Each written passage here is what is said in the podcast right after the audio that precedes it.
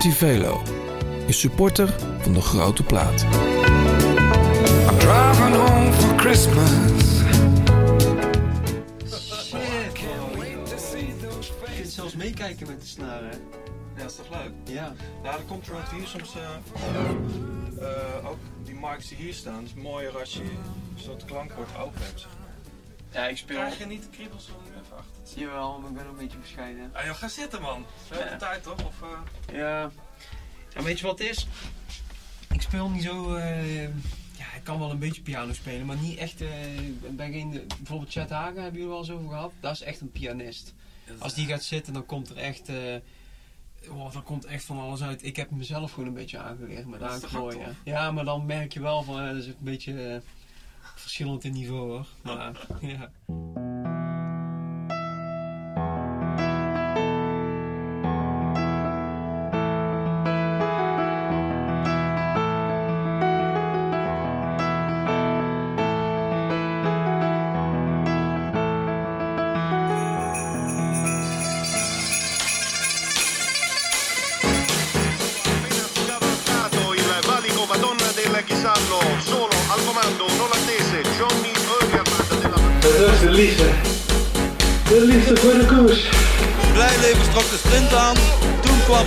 Bravo eroverheen. En John de Bravo wordt de nieuwe kampioen van Nederland. Je luistert naar De Grote Plaats. Een podcast van oud-wielerprof en muziekjournalist John den Braber... en muzikant, zanger en wieler vanuit Blauwtsoen. Zij nemen samen de meest opmerkelijke gebeurtenissen in het profpeloton door... bespreken hun favoriete nieuwe muziek... en gaan op zoek naar het muzikale hart van renners... en het wielerhart van artiesten.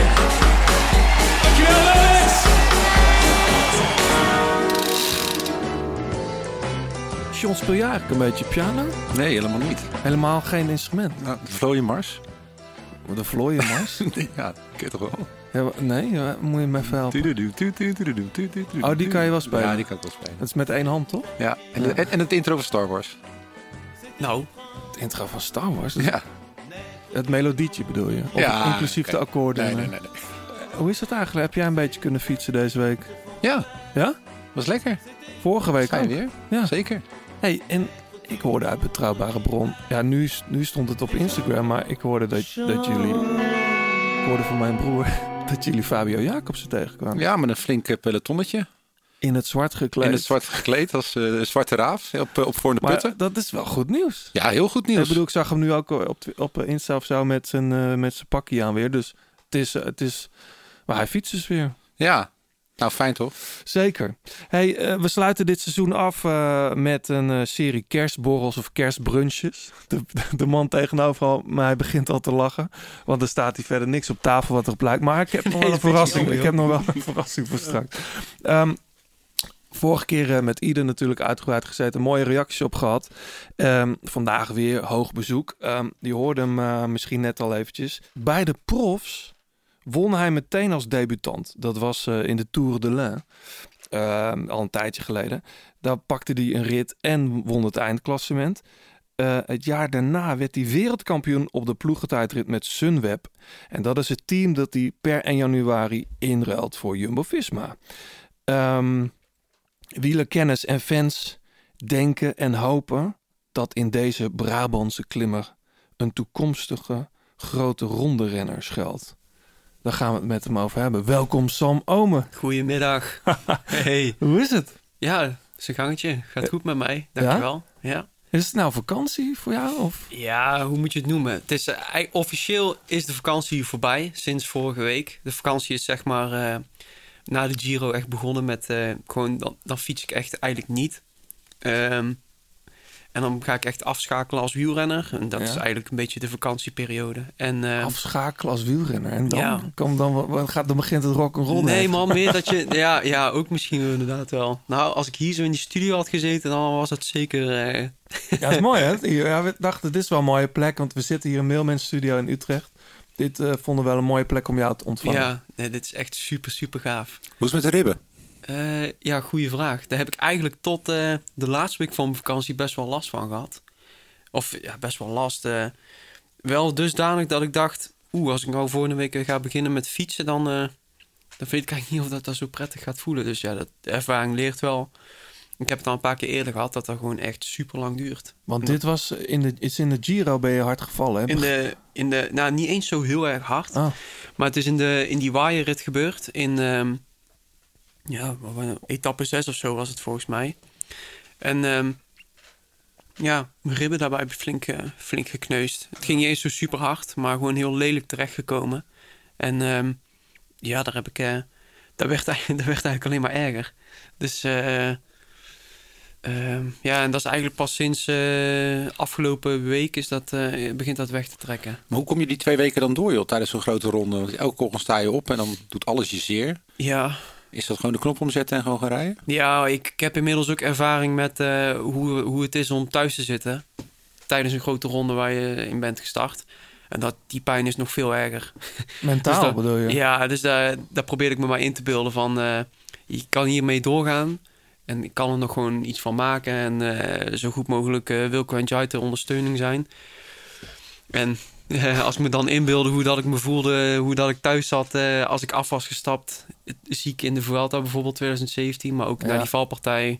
Ja, toen had ik ja, in die valpartij in de Giro... Ja, dan voel je je zo kloot, jongen. Als dan het peloton... De wereld draait echt keihard door dan, weet je wel. En eh, Ja. dat is, eh, die pijn is veel Kan erger. je het dan, dan moet je, kan je, kan je het dan wel kijken? Als Ja, ja, ja, ja. Ja. daar verbaas ik me ook wel. Ja, tuurlijk is er wel een beetje met dubbele gedachten, maar ik, eh, ik, heb toen die, ik heb daar toen wel gekeken, ja. Dat vind Ja. ik toch gewoon te mooi ook om, om te zien. Ja. En heb je kerstboom al staan of eh, komt er geen kerstboom? Nee, nee, nee.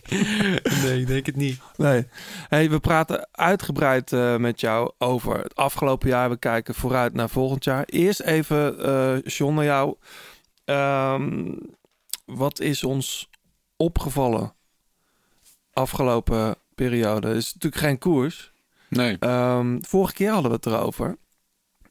Als we naar 2020 kijken, natuurlijk idioot jaar voor iedereen. Ehm, wat dan de mooiste koers was. Ik ben, ben wel benieuwd. Je ziet nu overal die lijstjes verschijnen. hè. Wie was nou eigenlijk de beste renner van het jaar? Ja, dat vind ik lastig. Want natuurlijk een paar enorme eh, mooie prestaties geleverd. Mhm. Eh, maar wat is je criterium? Kijk, als je puur kijkt naar resultaten, dan zou je zeggen dat Roglic dat is.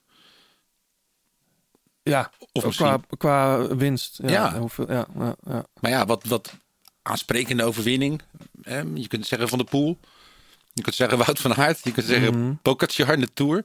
Maar Sam, wat, eh, wat is de eerste naam die jij... eh Ja, ik vind wat John zegt inderdaad wel een goede. Welke criteria laat je erop los? Maar de eerste... gewoon na- puur gevoel. Ja, Van, eh, Wout. Wout van Wout Aert. van Aert. Van Ja. begin tot eind.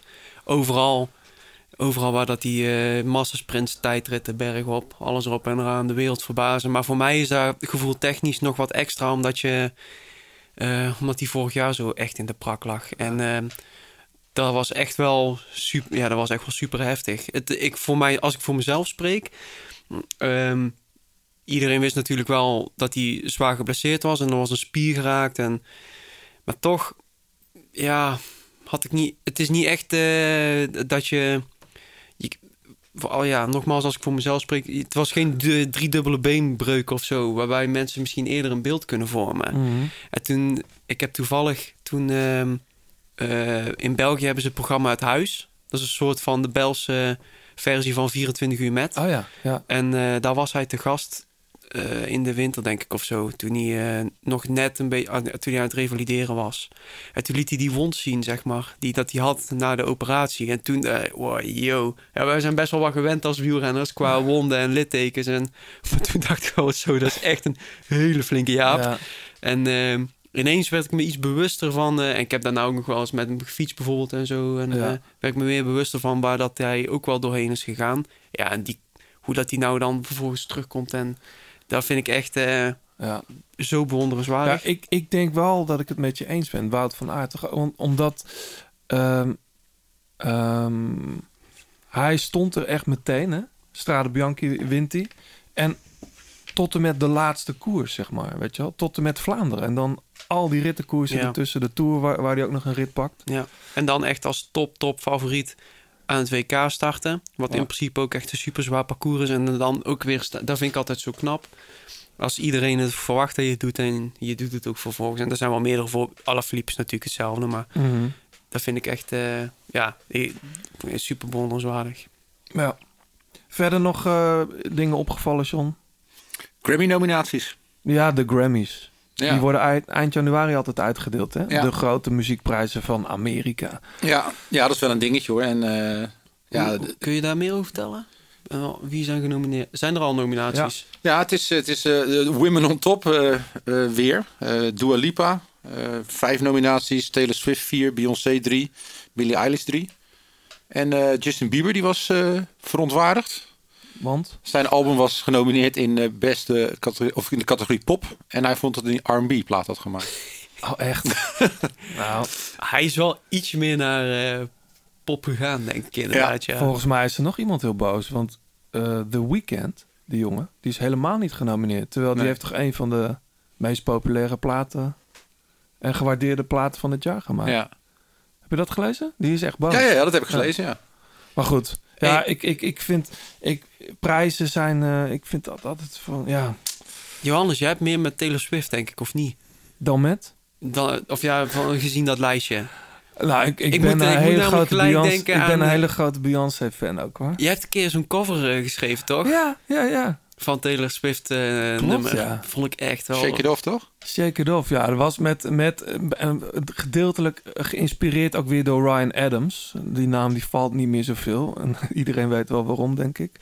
Maar eh, die heeft een keer eh, die, dat hele album van haar. Ah, 1989. Oh, ja, ja? de 1989, ja. Echt een heel mooie plaat.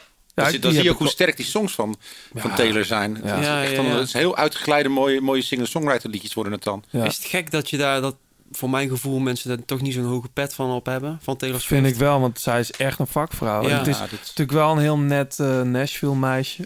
Ja, dat bedoel ik volgens mij een Eh, beetje. Weet je wel, Katy Perry komt ook uit Nashville. Ja. En dat is veel- iets meer de rock chick, zeg maar. En iets meer de, de, de, de rebelse tiener, toen ze begon tenminste. Ja, maar zij is toch een beetje in de Miley Cyrus weggegaan. Gewoon echt van kindsterretje en eh, een beetje die country muziek. En later gewoon echt, eh, Ja, echt goede dikke pop. ik, ik las trouwens, in Nashville is natuurlijk ook een lockdown.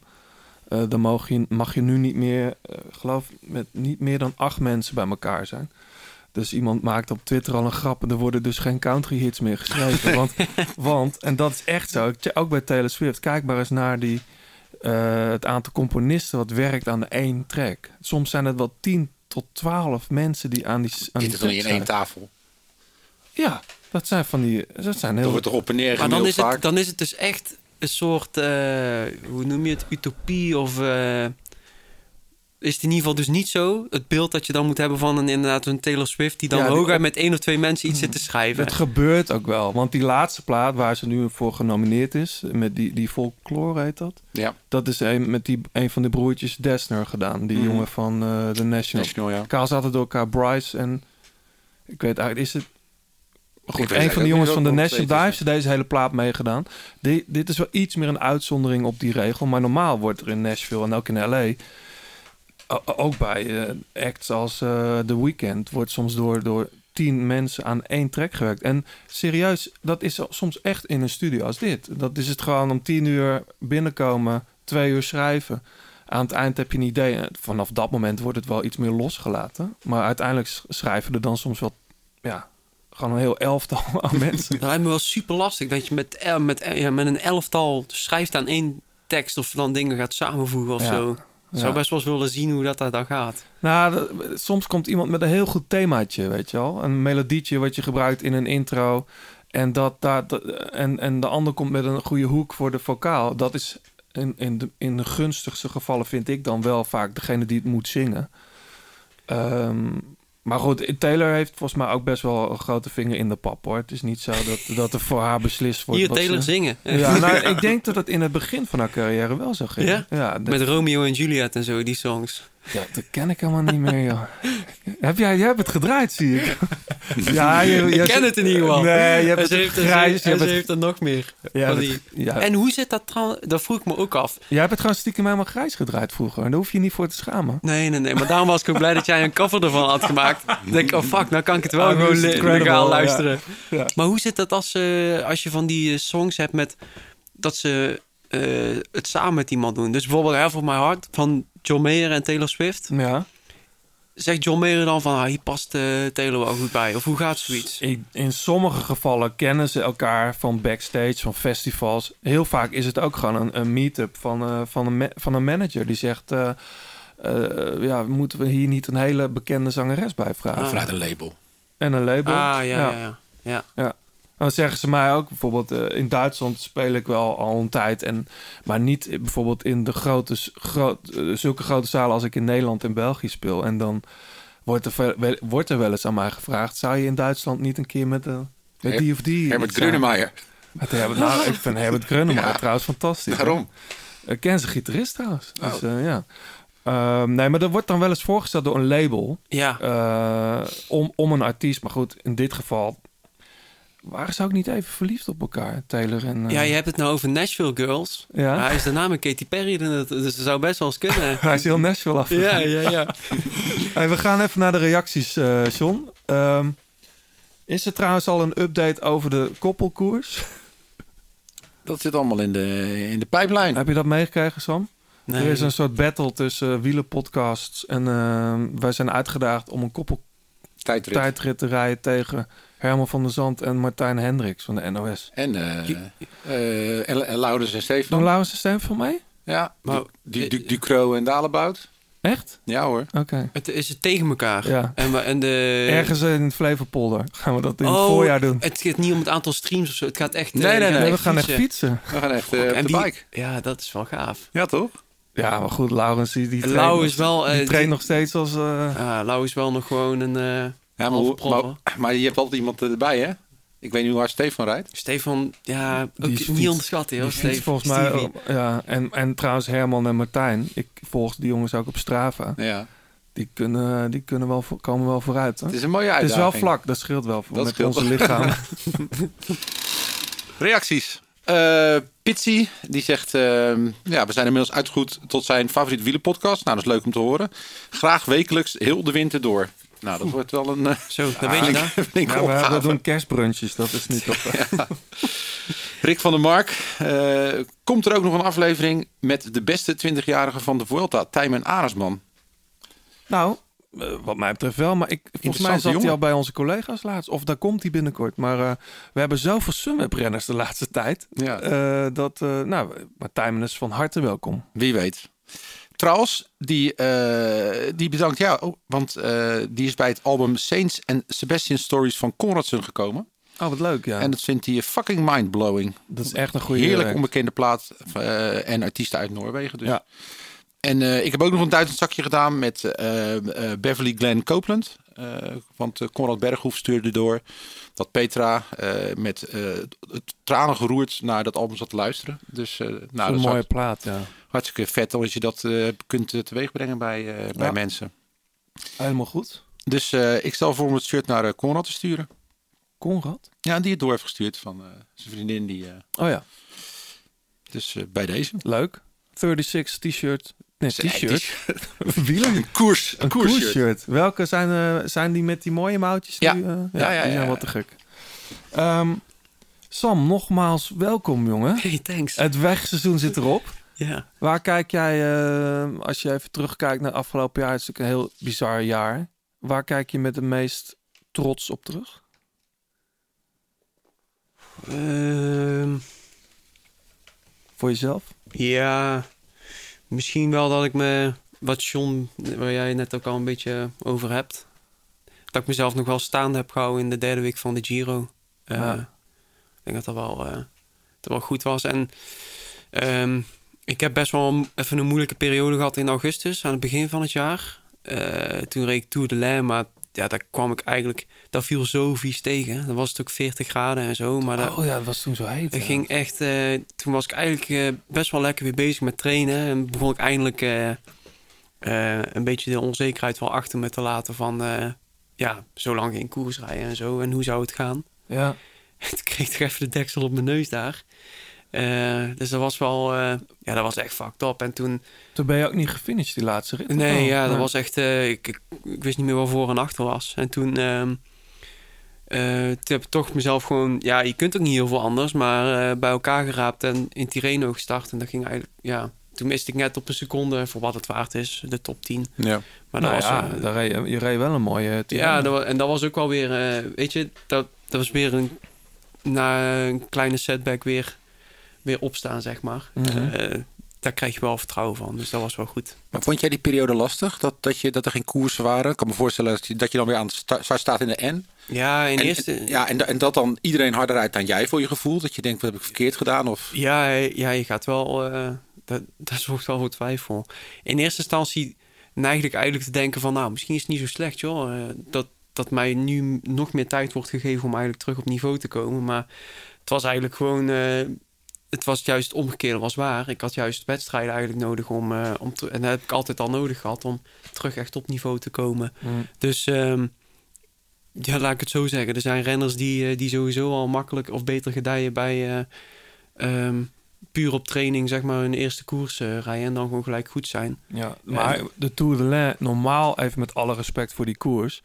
Normaal is het, is het een mooie, het is een mooie wedstrijd. Ja. Nee, maar, Maar- toen ik hem won in 2016, toen eh, stond niet de deelnemerslijst. Eh, nu deze stond de hele wereldtop aan, Ja. de, aan de start. En de meeste waren al, en zeker ook de Jumbo's, waren echt, echt al in Ja. bloedvorm. Ja, ja, ja. Ja. ja. Dus eh, ja, tuurlijk, dat, dat is ook wel zo. Maar ik, ik wist zelf ook wel wat ik in principe kon op training. En Mhm. wat ik, waar, waar ik in principe toe in staat moest zijn. Ah, daar kwam, eh er was niet veel van te zien en van te voelen in, in de air. En eh, ja, het was wat ik zeg, het was ook echt 40 graden. Ik, heb mijn, ik heb mijn haarkleur gezien, dat is niet best. ja. Schrik je dan? Eh, ja, een beetje. Ja. Ja. Want je denkt op training, ik ben goed bezig. En ineens En ineens lukt het niet. Ja, lukt het echt eh verre van niet. En dan, ja, eh, ehm, er zit gewoon zoveel maanden van werken, werken, werken naar daar eindelijk die wedstrijd rijden. En dan denk je van, eh, eh, Mhm. we gaan er wat van maken. Dus Ja. ja, ja, dan, ja dan schrik je wel een beetje. Ja. Je hebt tenminste, ik, eh, misschien zijn, er zijn heel veel renners misschien die, ehm, die, eh, die dan niet per se schrikken. Of die al wel weten, of die dan heel eh, gedurfd durven te zeggen van nou, het ligt daar en daar aan en het komt wel goed. Ja. Maar eh, ja, met mijn voorhistorie eh van anderhalf jaar eruit geweest te zijn, eh, ja, Ja. bleef ik iets onzekerder eh, achter. Ja. Je hebt niet echt heel veel gekoerst ook, hè? Nee, nee, dat- nee, dat klopt. Ja, ehm, Want ik, ik lees ja, Tour de l'Ain, Tirreno, WK en Giro. ja, klopt. Ja, dat is ook een, ja, dat was toch ook, wel, toch wel 40 koersdagen hoor. Het ligt denk ik ook een beetje opgesloten inderdaad in de, in de opbouw van het jaar. Ja. Dus eh, Ik doe even de deur. omdat je dan toewerkt Ja. naar... eh, Wacht maar even. Ga gewoon door. Oh. Wil je nog wat drinken? Nee? Oh. Fijn. Heb jij trouwens last van mijn krakende stoel? Nee. Oh. dat is ook... Johannes, zou ik nog een bakje mogen? Zou het dat kunnen? Ja. Ik vond hem echt eh, heel zoetsappig. ja. Je luistert nog steeds naar De Grote Plaats. Heb je tips of heb je een vraag? Laat het dan weten via Twitter, het Grote Plaats of Instagram. En laat een reactie en een beoordeling achter op Apple Podcast. Hey, maar even terug hè, naar die Giro. ja. Ja, Ray, een fantastische Giro. Het is dat je op je, ja, wat je net zei, dat je je ribben blesseert. Ja, ik vind zelf... Ik vind het super tof dat je zegt, man. Thanks. Dus voor, eh, maar eh, zelf af en toe had ik ehm, misschien stiekem toch wel wat gehoopt op meer. Maar ja, als je het in perspectief plaatst, dan heb ik denk ik gewoon een, een eh, hele degelijke ronde gereden. Maar wat zat er dan in hoofd van tevoren? Ja, dat is ook lastig. We hadden het over mindset, maar ja, ik reed natuurlijk dit jaar in dienst van, eh van Jai en van Wilco. Ehm, en voor mijn gevoel, eh, en dat is ook, ja, dat is een beetje hypocriet om dat misschien zo te zeggen, maar als ik in drie ritten, eh, er waren denk ik ja, een paar ritten waar we met twintig man overbleven. En daar zaten we met z'n drieën dan bij. Ja.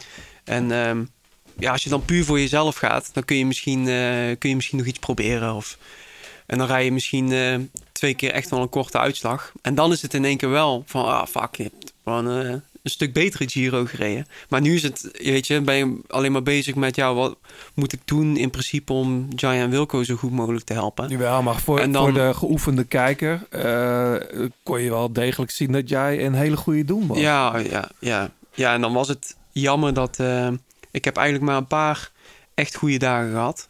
Ehm, en eh, ja, dat is eigenlijk... Is eigenlijk in de eerste week geweest. Ja. Tussen de Etna-etappe en, ehm, en de etappe dat ik viel. Eh, daar zaten een paar best wel goede dagen tussen. Ja, en helemaal aan het einde... Ik had op zich op de Stelvio-rit was, ook wel, eh, was ik ook gewoon wel in orde. Ja. Maar dan rij je gewoon met een hele andere mindset. Dus eh, ik moest die kopbeurt zeg maar doen om, om de roze trui toen de nek om te draaien. Mhm. Maar daarna is het klaar. Ja. En ehm, het is toch echt, dat is echt heel anders rondrijden dan wanneer je, wanneer je kop erop staat om heel die Stelvio gewoon met de beste eh, over te gaan. Ja. En ehm, dan maakt het misschien een beetje... Ik ben, ik ben alleen maar gewend om altijd tot het gaatje, tot het uiterste te gaan. En ja, dat was deze Giro eigenlijk voor het eerst e- echt niet zo. Dus dat ik echt gewoon los moest laten eh, om, eh, omdat het niet meer hoefde, weet je wel. Ja. En ehm, dat is oké, dat hoort bij de job. Dus, maar dat vind ik niet het leukste, merk ik. Jij bent Als- liever helemaal naar de tering. Als Ja, je, man. ja. Ja. Ja, en altijd gewoon... eh, Wat ja, dat betreft was die Giro van eh, die, die Tom won in 2017. Ach, oh, ja, 17 won die, ja. ja. Nee, 18 reed jij. Nee, die, die, die, die tweede werd bedoeld. Ja, die in dat was 2018. 18. Ja, Daar heb je dat wel. eh, ja doen, dat toch? was eigenlijk voor mij eh, beste van twee werelden. Ik weet niet of ik ooit nog in zo'n relaxte positie ook een, een grote ronde ga rijden. Omdat Tom die ving alle wind. Ja, Die, eh, die moest een klassement gaan rijden. ja, En ik mocht alles, maar moest niks. Ja. En tuurlijk, als, als, het, als er echt stront aan de knikken was, dan, eh, dan, dan moest ik mijn kansen opofferen. ja. Ehm, maar het is eigenlijk, ja, dat is een, een, een paar keer is dat nodig geweest, zeg maar. En dan heb je het ook niet eens over echt je hele klassement, zeg maar, om zeep helpen. ja. Ehm, maar ja, toen mocht ik wel eh, gewoon doorrijden. En op een gegeven moment had ik een korte positie in het klassement. En eh, eh, die mocht ik proberen ook te handhaven. ja. Maar ja, wat ik zeg, ik mocht alles en ik, ik, ik moest niet zoveel. Dus dat was wel... eh, En nu was het zo, je, je hebt een taak. Als je hem gedaan hebt, dan ja, basta. rij je rustig. Ah ja, rustig. Ja. Dat wordt natuurlijk nog Maar dat was vanaf het begin dus al het plan dat, dat, dat Jay Hindley en, eh, en Wilco de kopmannen zouden Ja, zijn. ja. Maar hoe is dat voor, jij hebt top 10 gereden in de Giro. Hoe is het dan voor jou om daar Ja, om zo er al heen te gaan? eh, ik kan niet ontkennen dat het op het begin wel moeilijk is, joh. Bedoel, je bent of, zelf niet... of moeilijk. eh, je bent zelf nog hartstikke jong, maar ja. Jay is natuurlijk helemaal een snotneus. In, Maar Jai is maar, Jai is maar eh, een half jaar jonger of zo dan ik. ja, maar qua, qua bedoel, jij gaat natuurlijk wat langer mee. Ja, dat valt eigenlijk ook wel mee. Ja. Ja, Jai is een jaartje, jaartje later prof geworden, in principe. Dus dat valt, echt wel, eh, dat valt echt wel mee. En ehm, ja, voor, i- tuurlijk, ik heb top 10 gereden in die Giro. Maar als je, heel, als je gewoon realistisch bent, dan... ehm, die top 10, eh, hoeveel daar tussen heeft gezeten, zeg maar, tussen eh, de Giro 2020 en de Giro 2018. Ja, dan is het ook wel realistisch om te stellen dat, dat mijn rol een beetje anders ging zijn dan toen. En Jai ehm, wilde ze ook echt wel in investeren voor de toekomst. En hem eigenlijk diezelfde rol geven als eh, die ik had met, eh, met Tom in 2018. Ja, En ehm, dus Wilco, Nou was, ja, nou ja. was eigenlijk de, de, de eerste man toch wel Ja. voor, vooraf. Ja. Maar hoe, hoe, hoe is die, hoe, is die, hoe is het dan zo verlopen? Want ik kan me voorstellen dat... Ja, je zit in die handen te wrijven, maar favorieten vielen natuurlijk één voor één weg. Ja. Eh, jullie bleven met, met twee man gewoon kort staan. Is er altijd wat geloof geweest van dit, dit wordt onze Giro? Ja, op een gegeven moment wel. Ja. Wel, ik moet zeggen, dat is ook tot uiting gekomen. Maar ik heb met die Giro van Tom wel echt geleerd. Je moet echt, eh, het, is, het is echt niet over. eh, je kunt echt, hoe sterk ook iemand eh, in Fat Lady zingt. Precies. Weet je wel, eh tweeënhalve week. Echt, denk niet dat je iets binnen hebt, want je hebt helemaal niks binnen. En ehm, dus dat heb ik altijd wel in mijn achterhoofd gehouden. Maar die, ja, het werd wel reëler en reëler, ja. Je kon er in ieder geval een stuk slechter voor staan op een gegeven moment. Dus ja, dat, dat vertrouwen had ik al, had ik al wel de hele tijd. Maar ja, ook wel, ook wel een klein beetje huiverig natuurlijk voor wat er in, eventueel in het laatste weekend ging gebeuren. En ja, Ja. het is gewoon volledig ook uitgekomen zo. Ja. Was er, is er na, na afloop is er dan een feestje geweest? Of, of hoe gaat dat dan? Want je, ja, jullie je- met, met de ploeg worden dus twee en drie, wat op zich vooraf zou je daar misschien voor getekend hebben. Maar als je ziet wat de kansen eigenlijk waren, had één van beiden misschien ook het roze in Milaan kunnen brengen. Mhm. Is, er, is er dan feest achteraf? Of is het vooral... Ehm, ja, dat was nu sowieso een stuk soberder. Omdat eh, Vanwege om- vanwege corona. corona, vanwege Ja. onze eigen maatregelen met de Mhm. ploeg. Dus dat was simpelweg geen, eh, geen kans toe, zeg maar. Ehm, ja, na de tijdrit stonden we op een parkeerplek. Toen hadden we wel de box eruit gehaald. En toen heb ik eh, wat muziek er doorheen geknald. Oh ja, DJ Sam? ja, om toch even de boel wel los te maken. Ja, en als je een pilsje achterover tikt na drie weken Giro, dan gaat het ook redelijk rap. Maar ja, nee, over het algemeen zeer bescheiden. En dan eh, wel even lekker pizza's en chips en bier en wijn. Ja. En nou, ik kan me voorstellen wat, wat Johannes zegt. Weet je. je hebt natuurlijk een, Maar- supergoeie Giro gereden. Maar achteraf is het toch een beetje die teleurstelling van... Ja, Er hing wel enige... Nou, ik denk dat er wel voor over het algemeen heel veel voldoening was. Want dat, ja, dat is sowieso een grote ronde finishen. Dat, dat is gewoon eh, super chill. Ja. maar ehm, en ja, en ook wel proberen in te zien van... Ja, fuck, vooraf twee podiumplekken, daar hadden we ook wel. Dus dat probeerde je ook wel echt eh, de bovenhand te laten nemen. Maar ik denk... Ja, geloof wel dat er ergens eh, enige bedrukking ook wel... eh, Ja. Ik merkte, ik merkte toen, eh, maar van afstand, hè, want ik was er niet, helaas. Ik had heel graag wel even naar Milaan willen, of naar die, die laatste rit. Maar ik merkte dat Jai eigenlijk teleurgesteld was dat hij tweede was. Want die Mhm. heeft echt nog wel in zijn kop gehad, ik kan hem pakken. En dat Wilco uiteindelijk dacht, ja, derde in een, in een grote ronde, dat is ook mooi. Zo, zo even, maar jij, jij kijkt me aan alsof ik... Ja, nee, zo interessant. Zo heb ik eigenlijk niet, niet gedacht. Ik zou het eerder andersom hebben gedacht, denk ik. Ja. Alleen dat Wilco eerder een dubbel gevoel eraan heeft, heeft overgehouden. Maar dat is misschien ook omdat ik... ehm, ik heb drie weken bij Wilco op de kamer. Die ken Ja. ik ook gewoon een stuk beter. Dus Ja. ik ken zijn gedachten ook beter dan die van Jai. Ja. Maar daar hebben we het toch wel met hem over gehad, denk ik. Ik heb het wel met Wilco over de Giro gehad, ja. Ja. Maar dat, Je moet, je moet ergens over hebben als je bij elkaar eh, drie weken op de kamer... Nee, ik bedoel, jij zegt nu... Ik, ik, ik denk dat Wilco misschien anders erover dacht. Maar dat heeft hij toch wel tegen jou verteld. Ja, nee, ik heb zijn, ik heb zijn gedachteproces wel eh, op de voet gevolgd, ja. Maar dat, dat moet toch een, het, het moet een rare sfeer zijn geweest. Dat je in een ploeg... Ja, eigenlijk Ja, twee... toch, eh, twee als, ik, als ik eerlijk ben, John, eh, ik, ik zou denk ik precies dezelfde gedachten hebben zoals jij het nou omschrijft. En toch is daar redelijk, is, ja, heb ik daar niet zo gevoeld van holy shit, wat is dat hier ongemakkelijk of zo. Nee. Dus dan is dat toch best wel goed eh, verhuld geweest waarschijnlijk of zo. Bewaard, bewaard voor thuis, voor de vrouw en kinderen. Ja, ja, ja. Nee, maar ja, tuurlijk waren er af en toe wel, ja, af en toe wel een beetje bedrukte momenten misschien of zo. Waren, waren het op andere, laat ik het zo zeggen. Zo, ehm, op sommige momenten zou er eigenlijk in andere ploegen gewoon een reden zijn voor een groot feest misschien of zo. En bij ons eh, was er gewoon iets meer bedrukking. Of ja, was het ietsje beduuster door ja, dat er ook wel, eh, dat er ook wel een moeilijkheid, eh, een moeilijkheid extra was. Dat je gewoon twee, eh, twee kapiteinen op een schip kreeg, zeg maar. Dus- Ja, er er werd ook in de wielenwereld een beetje gefluisterd van Kelderman gaat weg. Dus die, ja, ik kan me dat ook nooit zo goed voorstellen. Maar ja, dat je, dat je dan voor een jongen die blijft, dat hij dan toch iets meer... Want ik, ik kan me voorstellen dat Wilco het gevoel heeft dat ze hem hebben laten vallen. Hè, wat eigenlijk letterlijk gebeurde toen die wagen voorbij reed. Hè, hij kreeg nog net geen bandjes mee en een, en een pomp. Ja, ik snap dat daar zo... Nee, ja, ik snap, weet je, van zoeken, zoek, ik zoek- snap, zien snap hoe je er- thuis komt. Ja, nee, maar ik snap dat daar zo is overgekomen. Maar dat is ook...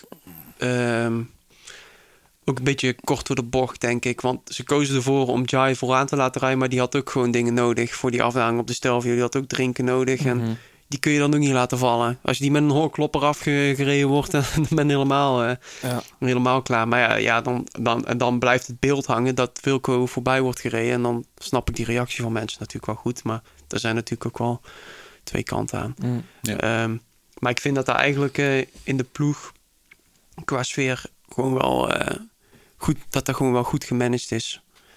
Dus, Mm. Maar ik snap aan de andere kant ook wel heel erg goed de vraagtekens van, eh, van de mensen eh, over, eh, over, ja, over Ja, de hele mensen natuurlijk om situatie. te spe- speculeren. Je hebt een Australiër met een Australische ploegleider. Een renner Ja. die weggaat. Weet je, ja. Ja, dat, ik denk dat dat een beetje inderdaad te veel dan wordt ingevuld. Ik geloof niet dat, ehm, eh, dat ze echt bewust meer voor Jai hebben gekozen, denk ik. Om die reden. Nou ja, kijk, de, de, de bottom line is dat Kelderman gewoon niet kan volgen. Dat je, daar begint natuurlijk alles. ja. Ja, dat, Bedoeld dat is als het. dan... Het is eh, eh, heel jammer, maar Wilco was gewoon de laatste week gewoon iets minder. Ja, Ja. dat, is, dat is toch... Ja, ja. Dat, dat was het inderdaad, ja. En, En- toen hebben ze gewoon de afweging gemaakt van hoeveel zou het schelen als, eh ehm, als, als Jai nu zou wachten. En op de Stelvio zelf eh, zou het niet zoveel hebben uitgemaakt. Dat geldt hetzelfde voor de Sestriere etappe. Op de klim zelf verloor hij helemaal niet zo heel erg Ja. veel. Het is Ja. vooral in die, in die valleien tussenliggend gebeurd... waar dat hij enigszins, denk ik, bij had kunnen springen. Maar dan alsnog kun je ook de vraag stellen... wat daar met die twee Ineos-mannen gedaan had... Als, eh, als die met z'n tweeën voorop hadden gezeten... in plaats van Ja. een Sunweb-renner als blok aan en, het been. en, en, en, en, dat niet alleen. Kijk, eh zeg altijd, achteraf is het mooi, is het mooi wonen. Dat, maar dat is maar bedoel, op, op het moment dat, dat, dat, dat Roberts Jay laat wachten... en eh, eh, noem maar wat, eh, Kelderman krijgt een hongerklop... die laatste op die slotklim... Ja. Ja. dan zeggen ze, hoe kan je die gast dan laten wachten? Hij Ja, zit, er- weet ja. je, dus... Ik, ik Het ben... is- ik, ik, ja, ik- het is zo heb- We moeilijk. hebben het toen ook al Ja. over gehad. Ik, ik, eh, ik vind het nog steeds heel goed uit te leggen wat Sum heb gedaan. heeft. Ja. En, ehm, Ik vind dat er voor beide kanten gewoon echt iets... Ik vind het echt een super lastige situatie. Ja. Voor beide kanten is gewoon echt veel te zeggen. heeft Ja. Jai jou eh, verrast eigenlijk? Want jij... Ja. Ja, enorm, joh. Ja. Eh, omdat ik eigenlijk in Tireno bijvoorbeeld nog... eh, waren we super gelijk aan elkaar. En ook op trainingskampen, als we, als we even koersten tegen elkaar... dan waren we ook eh, echt wel gelijk aan elkaar. Maar nou was hij in de Giro gewoon... eh, ja, ik denk wel de sterkste klimmer van de ronde... op Rowan Dennis na het laatste weekend. Ja. Dus ja, dat heeft me wel verbaasd. ja. Echt... Denk jij dan ook na, hey, hoe, hoe kan dat een... Kan ik dit ook op den duur? Of zou, zie jij jezelf ook een keer over die Stelvio rijden in een kopgroep waar jij dan de kop? Nou, ja, nou ja, ik, ik dat hoop ik natuurlijk wel. En eh, daar ga ik ook wel eh, mijn best voor doen. Maar op dat moment voel ik vooral mijn eigen benen. En denk ik vooral van, ja, hoe de fuck kun je daar nog uit je benen schudden, weet je wel? Na, eh, na hoe we hier al omhoog zijn gereden. Ja. Ja, dus... maar ik weet ook van, als je, als je gewoon ook maar 1 of 2 procent beter bent... en je zit net onder je omslag of net onder je drempel te rijden... dan het stapelt zich dan ook op, weet je wel. Dan ben je, zit je iets meer op je gemak. Je kan beter bijvoorbeeld voeding... Je hebt ook meer tijd om na te denken over voeding tot je nemen... als je gewoon al heel de dag op de limiet zit te rijden. meer tijd om je jasje aan te Het doen. ja. Oh ja, die shit, ja. Ja, ja, ja. Ja, ja dan, eh, nou ja, als, iemand die echt naar de, naar de kloten was geweest, die was waarschijnlijk wel gevallen daar. Ja, met, zijn jasje, met zijn jasje aantrekken. Dus er was nog een teken van overschot. Precies. Laten we daarop houden. Ja, maar in de grote ronde, als je gewoon net iets minder bent, dan stapelt zich dat allemaal gewoon net, net even wat op. En dat wordt dan zo uitvergroot. Ja. Dus, eh, maar het was echt, hoe Jar daar heeft rondgereden, was eh, echt super knap. Ja. Hey, even terug naar jou. Volgens mij was dit het laatste jaar dat jij eh, nog meetelde in de jongere klassementen. Ja, joh, het heeft niet zo mogen zijn. Hoeveel witte truien heb je eigenlijk? Want je hebt wel eens witte truien gedragen. Ja, ehm, ze zijn niet allemaal wit. Nee, maar even Ehm, jongere klassementen truien. en dan gewonnen of gedragen? Nou, gewonnen weet ik. Ja, allebei. Je hebt er best veel gedragen, denk ik. Ja, ja, niet zo heel veel. Ik heb eh, in het, het eerste, de eerste was volgens mij Criterium Internationaal. Ja. En dan Tour de Lens natuurlijk. Ja. Ehm, ik heb hem een keer gedragen in het Criterium Dauphiné. Een paar dagen. Ehm, Ronde van Zwitserland. Ja. Dat En, zijn eh, toch en de Tirreno dan eh, vorig jaar. Ja. Is dat nou raar dat het volgend jaar dat dat niet meer meet? Ben je, een beetje wel, ja. ben een oude lul? Ben een oude lul. ja, maar dit, dit- dat, was, dat begon sowieso al wel een beetje... eh dat, dat stond sowieso wel te gebeuren met... met eh, ja, Met al die jonge gasten. al die jonge, jonge Ja, het klinkt ook gek om het zelf te zeggen. Maar ja, Ja, ik zeg het toch. Met al die jonge gasten. Ja, even voor de mensen thuis. Jij bent 25, toch? Ja. ja. Ja. 25 en drie maanden. Dus eh, Moet je nagaan. ja. Ja. ja. Hey, ehm, waar, waar is eigenlijk jouw liefde voor, de, voor het fietsen begonnen, Sam? heel lang geleden. Eigenlijk eh, heel saai. Gewoon op zoek naar een sport. En eh, ik woonde tegenover een wielerclub. Dus toen... eh, Toevallig. Nadat ik bij voetbal onderuit werd getrapt en bij judo ook niemand op zijn rug kon leggen, geen ippons kon scoren, toen eh, ging ik maar eens fietsen. En welke club was dat? TFC Pijnenburg. Oh ja. Ja. En Ja. eh, eigenlijk één wedstrijdje gedaan daar en toen was ik verkocht, joh. Ik weet niet meer precies de gedachtegang, maar ik wist wel van ja, dit is, dit is het. Dit vind ik echt te gek. Dat was elke dinsdag en donderdagavond was daar ehm, eh, trainen. Ehm, ja, en kan me nog goed herinneren dat ik dan op de basisschool eh, echt gewoon op dinsdag en donderdagen echt onrustig was. Omdat ik s'avonds mocht gaan fietsen en mooi, gaan trainen. Ja, man, dus eh, Kun je je eerste wedstrijd nog herinneren? ja, heel goed. Welke was dat? Hyperventileren.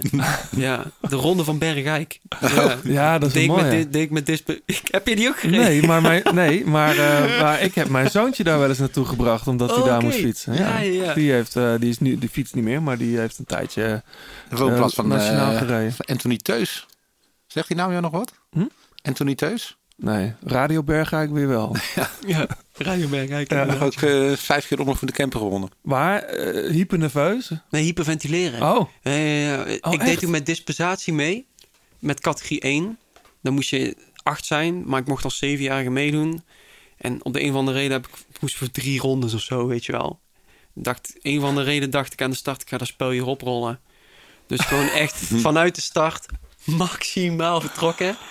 En eh, ik denk, nou, iedereen zat lekker in het wiel. Ja, ik had nog nooit volgens mij gehoord van in het wiel zitten, Nee. of wat dan ook. En toen eh, de eerste zeven kregen prijzen en ik werd achtste, weet ik nog wel. En volgens God. mij daar ook kwam ik over de streep en toen zo, Ja. ik, ik hoor nog tegen me zeggen, rustig door je neus inademen en door je mond uit, weet je wel. Ik was echt helemaal eh, mezelf voorbij gereden. grappig. Maar toen ja. wist ik wel van volgende week pak ik, want ik kreeg altijd bij de jeugd bekers, weet je wel, echt prijzen. Ja, En de week erna was de Ja, de ronde eerste van... acht krijgen meestal gewoon een bekertje. Ja, ja. ja. En de week erna was de ronde van Nieuwkuik, weet ik nog. En toen heb ik echt gereden om die beker binnen te slepen. Op dat baantje? Of, ja, eh, precies. Eerste vijf kregen hem en ik was erbij. Ik was vijf. weet je. Ik vind dat zo mooi, want je ziet dat bij, ook bij de jonge gastjes echt eh, bij het inrijden al het fanatisme, weet je wel. Een beetje dat loeren. En sommigen hebben dan ook, hoe klein ze ook zijn, hun benen gewoon ingesmeerd hoor. Met, eh hoe heet dat spul? Eh, Ja. dat ruik je dan. eh, Lau zou het eh, Freddy's Choice noemen. Ja, ja, ja. Oh ja. Maar ja, je, hebt, je hebt dus nu echt een kamer vol met prularia staan. Met bekers. Ja, uit- dat heb ik wel heel lang gehad. Maar op een gegeven moment eh, ja, was dat niet meer te doen. Nee. Als je zeven jaar lang... eh, ja, ik heb bij de jeugd altijd wel gewoon heel leuk meegedaan. Dus je zeven jaar lang... ja, hoeveel wedstrijden rij je per jaar? Ik weet het niet. Maar ja, dan ja, kun je wel tellen. wordt een paar honderd van die dingen. Ja, die Ja. op mijn kamertje niet meer... Of eh, er thuis nooit bloemen te kopen in ieder Nee. geval. Nee, dat was echt... Nee, Ja. dat was heel chill inderdaad, ja. ja. Op moederdag en, eh, en vaderdag, dan moest er Precies. prijs gereden worden. Hey, maar eh, had jij toen ook al het idee, ik, ik wil hier later mee door? ja. Als prof ook? Dat idee van... Ja, wel een soort van. Het is, ik, als ik het op televisie keek, dan wist ik wel, eh, dit wil ik ook. En wie waren dan jouw helden?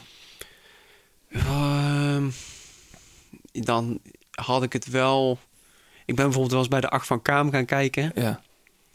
Eh, en daar heb ik in fotoboeken. Heb ik daar hele verslagen van geschreven, zelf bij de wedstrijd. En als ik dat nu teruglees, dan zie ik wel dat ik echt groot fan was van Michael Bogert, Tom Ja. Bonen, ja. Cancellara ook. Ja. Echt zo'n machtmen, machtsmens op de fiets. Toen dacht je ook nog dat het een echte wedstrijd was? De acht van? Kaam. Ja, nou ja, in ieder geval, er stond een heel verslag bij. Dus, precies, eh, mooi, man. Ja, dus eh, ja, ik, denk, ik denk die kerels vooral, maar ik heb nooit ehm, een specifieke renner gehad waar ik heel erg... Maar je hebt wel nog, denk ik, toen je prof werd, nog met jongens gereden waar je Ja, ja, ja. vroeger eh, eh, puur Ja, naar keek die jongen, tv. ja, behalve, behalve Bogert wel met, eh met Bonen en Cancellara nog wel wedstrijden gereden. Ja. Dus was wel gaaf. Ja, man. Heel surrealistisch eigenlijk, hè? Ja. Ja. Maar hoe, hoe ging dat dan, de eerste keer dat je Tom Boon in het peloton tegenkwam? Ja, ga. Dus, dat is altijd heel cool. Eh, heel raar. Eh, voorafgaand dan denk je van... eh, zie je hem aan de start staan. Of dat ook andere... andere bijvoorbeeld met Cadel Evans heb ik ook nog een wedstrijd gereden. Ja. Of zelfs met Lau kende ik ook alleen maar van tv, weet je wel. Ja. De eerste wedstrijd dat je daarmee rijdt. Dan zie je die aan de start en denk je... Oh shit, man. Dan heb je wel een soort van... ja, gewoon ontzag. Ja. Dan ga je er toch even voor aan de kant. Maar bij mij werkt het in ieder geval zo als die koers dan begon. Ja, je gaat ze niet in de weg rijden, maar als, eh, als het echt gewoon eh, koers was, dan, dan ga, ver- vervaagt dat compleet. Maar boeit het dan Nee. niet meer? Nee. Nee, dan ben je gewoon eh, allemaal gelijk en vol, vol gas erop. Ja. Ja. Is, er, is er in jouw leven, want jij bent dus al vrij, echt al vroeg begonnen met, met koersen. Is er ruimte geweest voor andere dingen? Ja, Ja, ik weet niet precies wat je bedoelt met Nou ja, maar je, je speelt piano bijvoorbeeld. Waar is dat? eh, we gaan straks ook jouw muziek draaien, hè? vergis je niet. Oh shit. Ja, ja, ja. Er zit er niet veel pia ja, nee, er zit niet veel piano Nee, in, dat viel me ook op, ja, maar... Ja. Maar, maar, maar ja, je hoort ook wel jongens die gaan... eh, die, die, op een gegeven moment stoppen ook heel veel jonge gastjes met fietsen. Omdat, ja, dan ontdekken ze het bier en de dames. En, ah, eh, zo. Ja. dan gaan ze op stap. Ja, daar heb ik, ik heb gelukkig wel echt nog een leuke periode daarin gehad. Met wel gewoon eh, eh, op vrijdagmiddag uit school bij ons de clochard. Er was ja. een, eh, een tent met alleen maar 15 en 16-jarigen, weet je wel, die het weekend in gingen luiden. en dan nog een lekkere rol durum deuner eh, naar binnen klappen. Weet je wel, die tijd, ja, die heb ik zeker ook nog wel gehad. Dus dat, was, wel, dat was wel heel cool. En ehm, ja, ook echt nog wel periodes gehad, ook tijdens de nieuwelingen, junioren volgens mij, dat, dat het nog wel gebeurde dat we op zaterdagavond een feest hadden en dan zondagochtend gewoon in de auto naar wedstrijden gingen. Mhm. Dat ik toen nog wel eens dacht van, oh man, wat... wat- wat- Nee, eigenlijk dacht ik daar helemaal niet over na. Nee. En misschien dat je dan zou denken van... eh, als ik dan andere jongens soms hoorde... Van, oh, eh, die er al wel echt voor leven... dacht ik soms shit, als ik de boot maar niet mis om dit soort dingen. Maar achteraf gezien ben ik er eigenlijk wel heel erg blij mee. Omdat ik ja, dat ten eerste nog heb meegemaakt. En dat, je echt nog wel een, eh, dat ik echt nog wel heb kunnen leren... om, eh, om als wielrenner meer te leven en zo. Ja. Dus ja... Hey, we praten zo uitgebreid verder. Ook over eh, volgend jaar. En we gaan nieuwe muziek luisteren. Maar John, jij hebt dit meegebracht.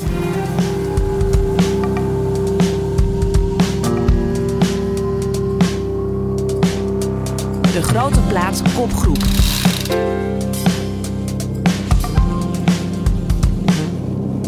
I never believed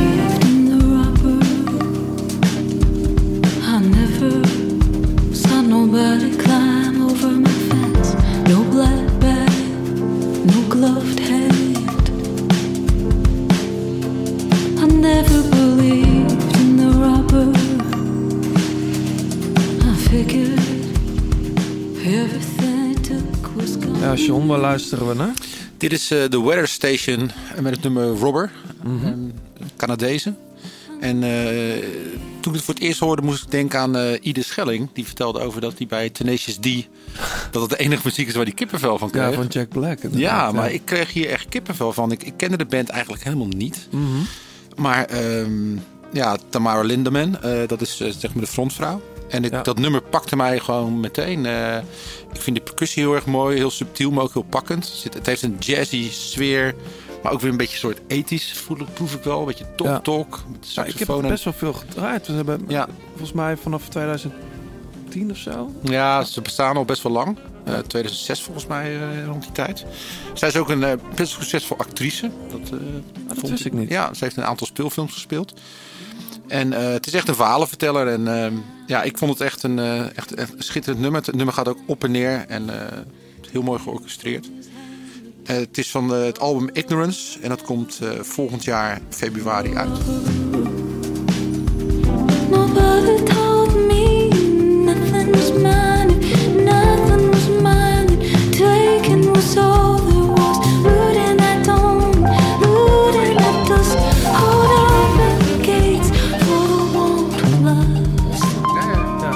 Dat ik dacht dat het op een album stond. Maar het is dus... eh, Nee. Er is ook inmiddels al een nieuwe single, zie ik. Ja.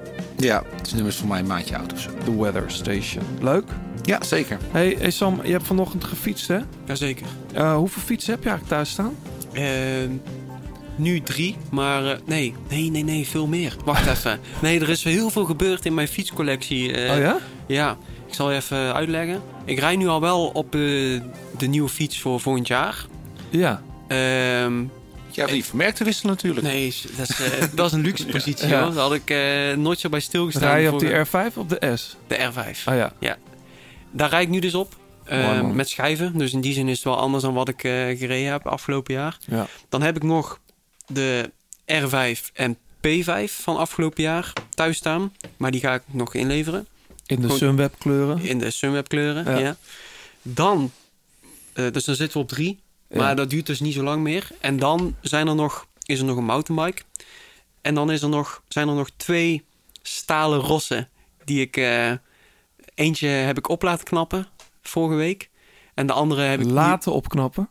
Of ja. heb- ja. ja, ja, zelf? Nee, nee, ja, stalen, eh, echt zo'n stalen roze. Ik wist niet waar ik moest beginnen. Dus, eh, En wat voor fiets is dat? ja, het is een Rosella, dus het komt uit, komt uit Italië. Een Italiaans vouwfietsje.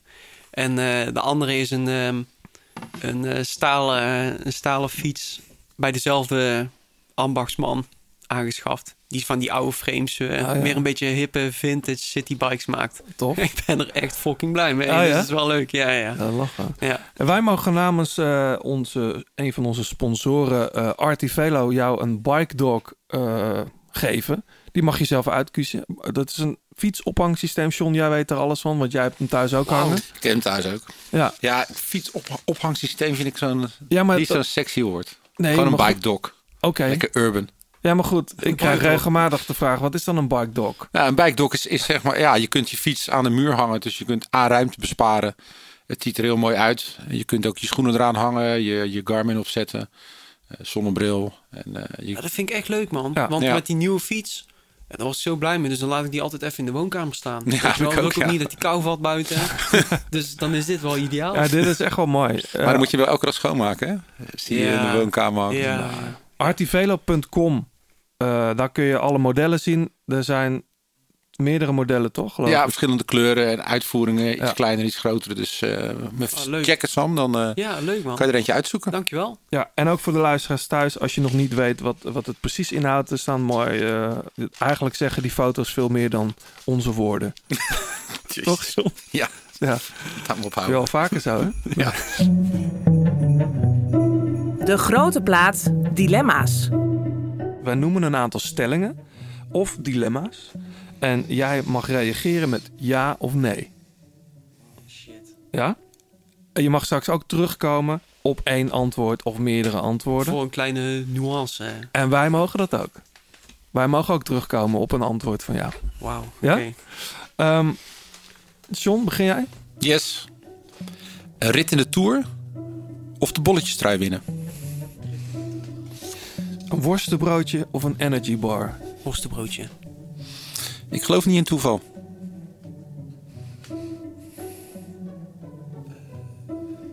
Ja. Het is nergens mooier wonen dan in Brabant. Mm, ja, dit, eh, hier heb ik een nuance voor nodig. Maar ja. Tour de France of Giro d'Italia? ik heb toen het nooit gereden. Dus daar kan ik eigenlijk ook niet, ook niet goed over oordelen. Oké, me. Ik twijfel soms of ik de klassementsrenner ben die mensen in mij zien. Ja. Ik ben de snelste renner ooit op de Kouberg. Ja. Zeker. In 2019, na mijn gebroken heup en problemen met een vernauwde, sla- vernauwde slagader, heb ik gedacht aan stoppen. Nee. Parijs Tours bij de belofte was mijn mooiste zegen.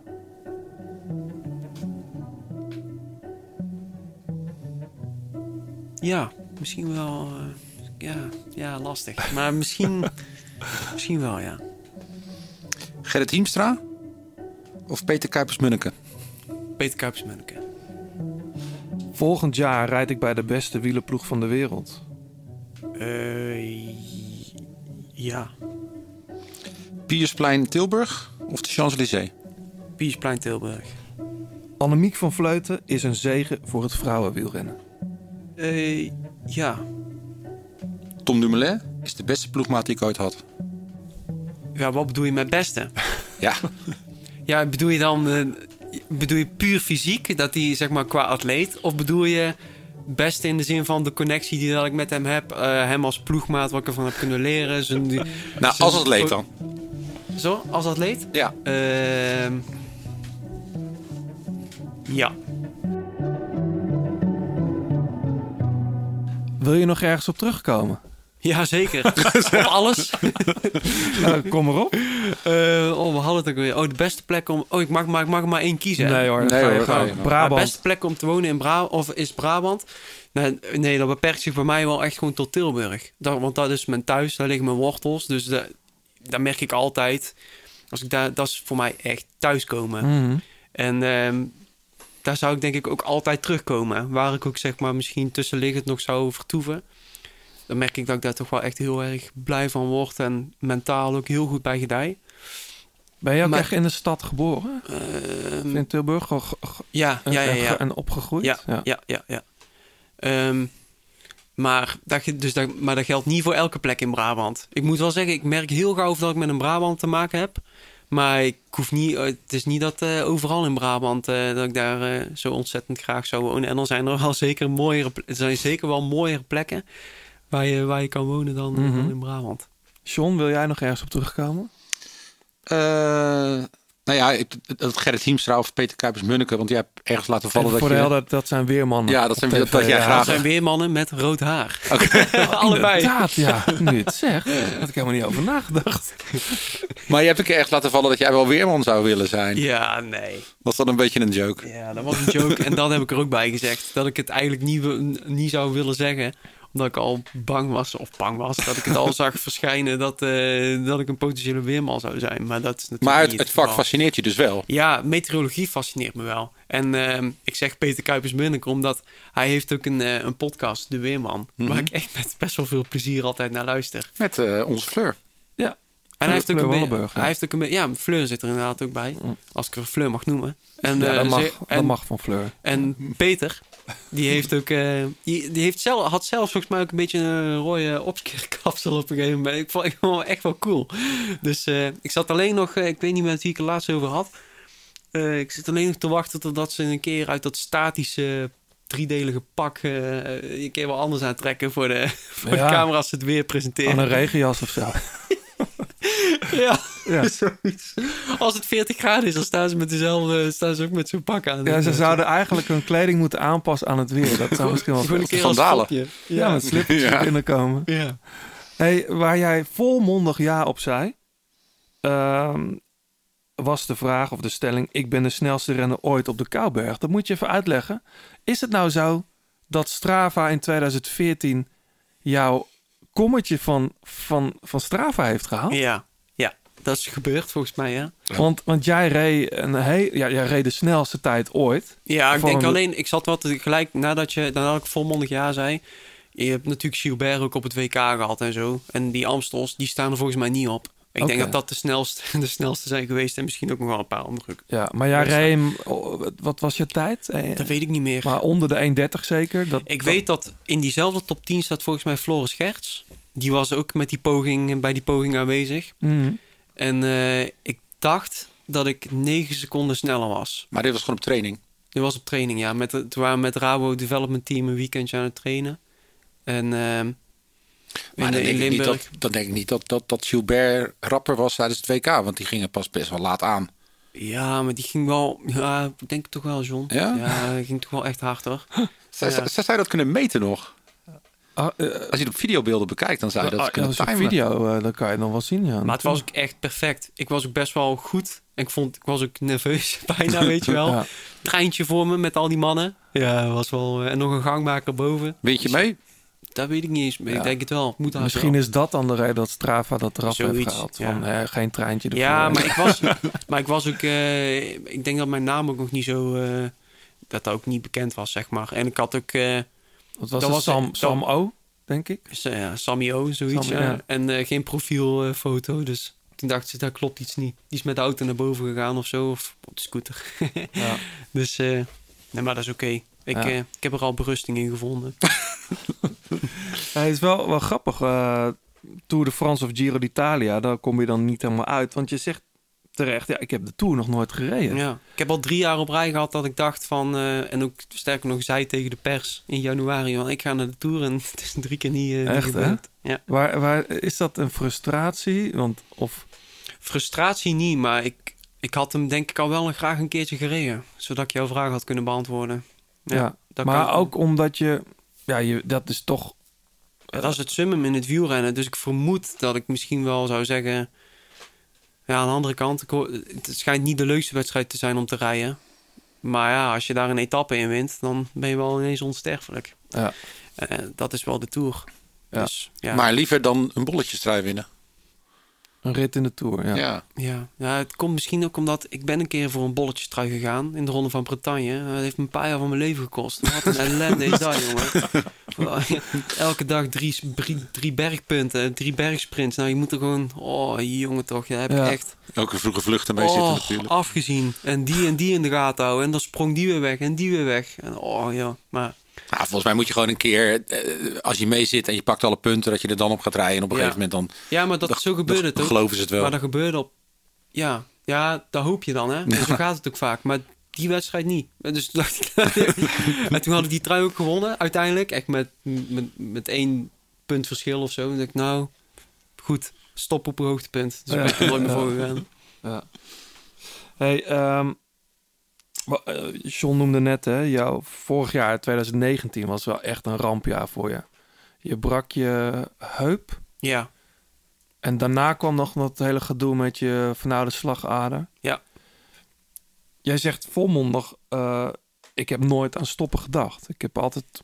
Hoe, hoe doe je dat dan in je kop? Want je bent natuurlijk nog een jonge gast, weet je wel, maar eh, dan, dan toch. Je, je weet nooit... Je, je wist toen niet of je weer op niveau kwam. Nee. Ehm, maar... Ja, ook ja, goede vraag, joh. Ik denk, dit is niet eens... Ook bijvoorbeeld... ehm, de afweging van, ja, wil je überhaupt geopereerd worden? Want het eerste wat de chirurg bijvoorbeeld tegen je zegt met deze kwetsuur is van, ja, ik vind helemaal niet dat jij per se geopereerd moet worden, want jij kan hier prima 80 mee worden. Maar het is wel gewoon een heel, eh, ja, gewoon een hele vervelende beroepskwaal. Ja. Maar dus dat je überhaupt al na gaat denken van, ja, wil je, wil je wel geholpen eraan worden? Maar dat is niet eens een afweging geweest eigenlijk voor mij. Dus om de een of andere reden, ja, heb ik nooit. ehm, dus is dat altijd, heb ik altijd wel de, de mindset naar voren gehad. maar, maar, maar gaat het echt zo dat een chirurg dat tegen je zegt? Is dat Ja, gewoon iemand in het ik ziekenhuis die niet weet dat jij wielrenner bent? En, Jawel, ze, ze weten heel goed eh, hoe dat gaat en zo. En wie daar, eh, dat ik een profielrenner ben. En ja, die chirurg die is ook... eh, ehm, ik noem...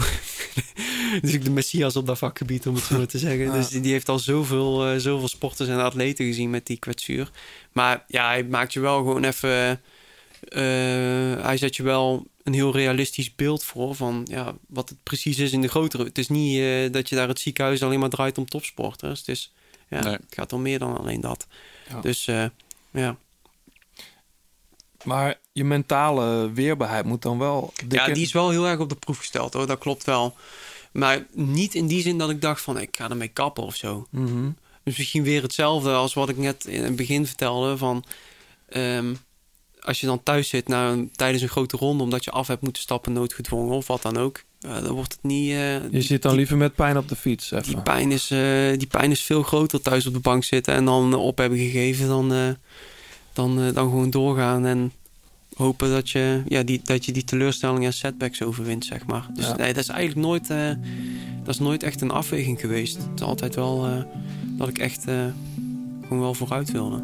Alleen ja, ik ben, ik, ik ben wel, ehm, ja, ik heb het wel moeilijk gehad. Dat wel, ja.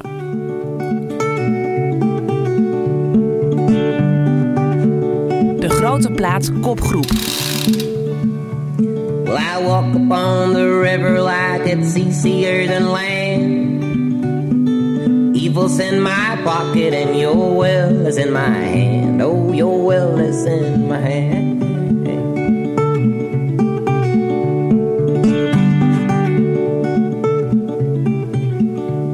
And I throw it in the current that I stand upon so still. Love is so from what I've heard, but my heart's learned to kill. Oh, mine has learned to kill. Zo blij is Sam dat jij dit hebt meegenomen. Dat hebben we nog nooit gedraaid in de grote plaat. The tallest man on earth. En hij is klein, jongen. Ja, hij is nog kleiner dan jij bent. ja, nog, nog een kop kleiner. Ja, Ja, heb je hem wel eens live gezien? ja een paar keer. Ja. Ja. Mooi is dat, hè? Ik vind hem live eigenlijk eh, nog mooier. Ja, is een, ja, ook gewoon met zijn hele performance, maar ook gewoon met het, eh, met het geluid wat eruit komt en zo. Ja. Ja, ik snap heel goed dat, eh, dat bepaalde mensen er niet naar kunnen luisteren. Misschien omdat het zo... Ja, hij heeft natuurlijk wel een hele typische stem, maar bij mij gaat dat echt om merg en been. Ja. Als je het nu zo ook opzet, dan krijg je helemaal... eh, rillingen, zeg maar. Ja. Ja. Het weet, wat, wat ik wel wat ik mooi vind is. oh, wacht, mijn internet valt. Maar geef niet. Wat, wat ik mooi vind aan hem. Ik heb hem ook een paar keer live gezien. Ook dat hij Ah. afsloot. De, de festivaldag afsloot. En dan denk je, ja, maar je wilt toch als headliner op een festival nog even dat feestje of even die rockband of die DJ. Maar dan speelt hij gewoon anderhalf uur, soms wel twee uur lang. Was dat Vlieland? Vlieland een keer, volgens mij Down the Rabbit Hole ook. eh, Best Kept Secret. Best Kept heeft, ja, misschien was het Best Kept. En dat is fascinerend, eh, hoe, hoe een hele groot, heel groot festivalweide dan echt aan zijn voeten ligt. zeg Ja. maar. Ja. Waarom heb jij deze track meegenomen? Love is all. Ehm, nou, ik ben vooral gewoon eh, deze artiest. Dus ik moet zeggen, dit is een beetje zijn meest toonaangevende nummer, denk ik. Een Ja. van de meest bekende. Ja. Eh, hier sluit hij ook vaak mee af, bijvoorbeeld. eh, op, op concerten. Ja, klopt. Ik heb wel andere nummers die, ja, die minstens zoveel kippenvel geven.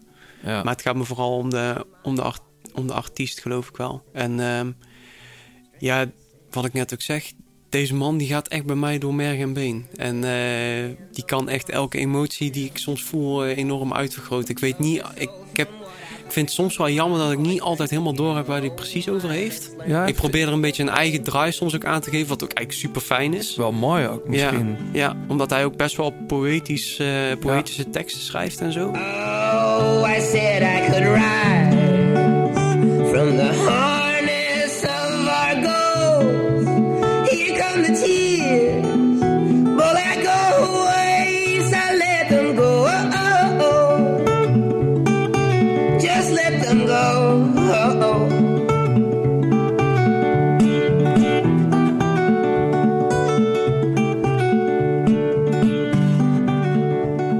Maar ik weet bijvoorbeeld bij hem nog heel goed het eerste wat ik van hem hoorde.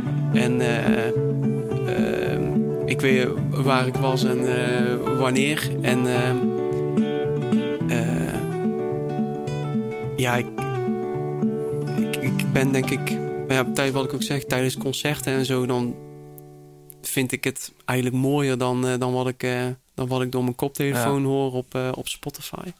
Hoe kom je aan muziek eigenlijk? Ben je echt ben je aan het graven, Spotify-lijstjes? Of? Ja, ik ben eh, ja en Shazammen en eh, ja, enorm.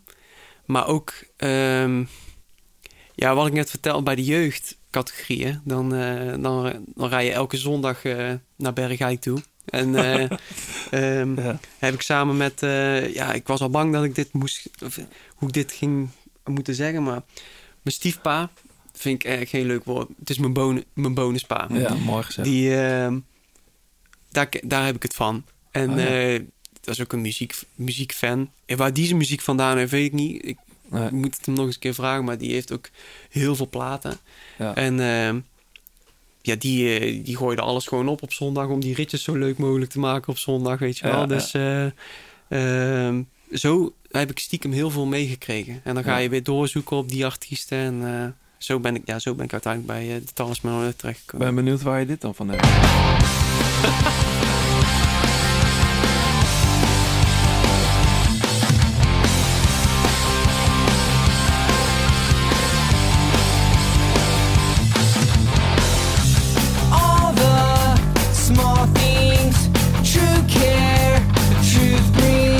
zit je te lachen, Sander? Jij hebt het meegenomen. Ja, zeker. Ja, daar kon ik eigenlijk niet aan ontkomen. Nee.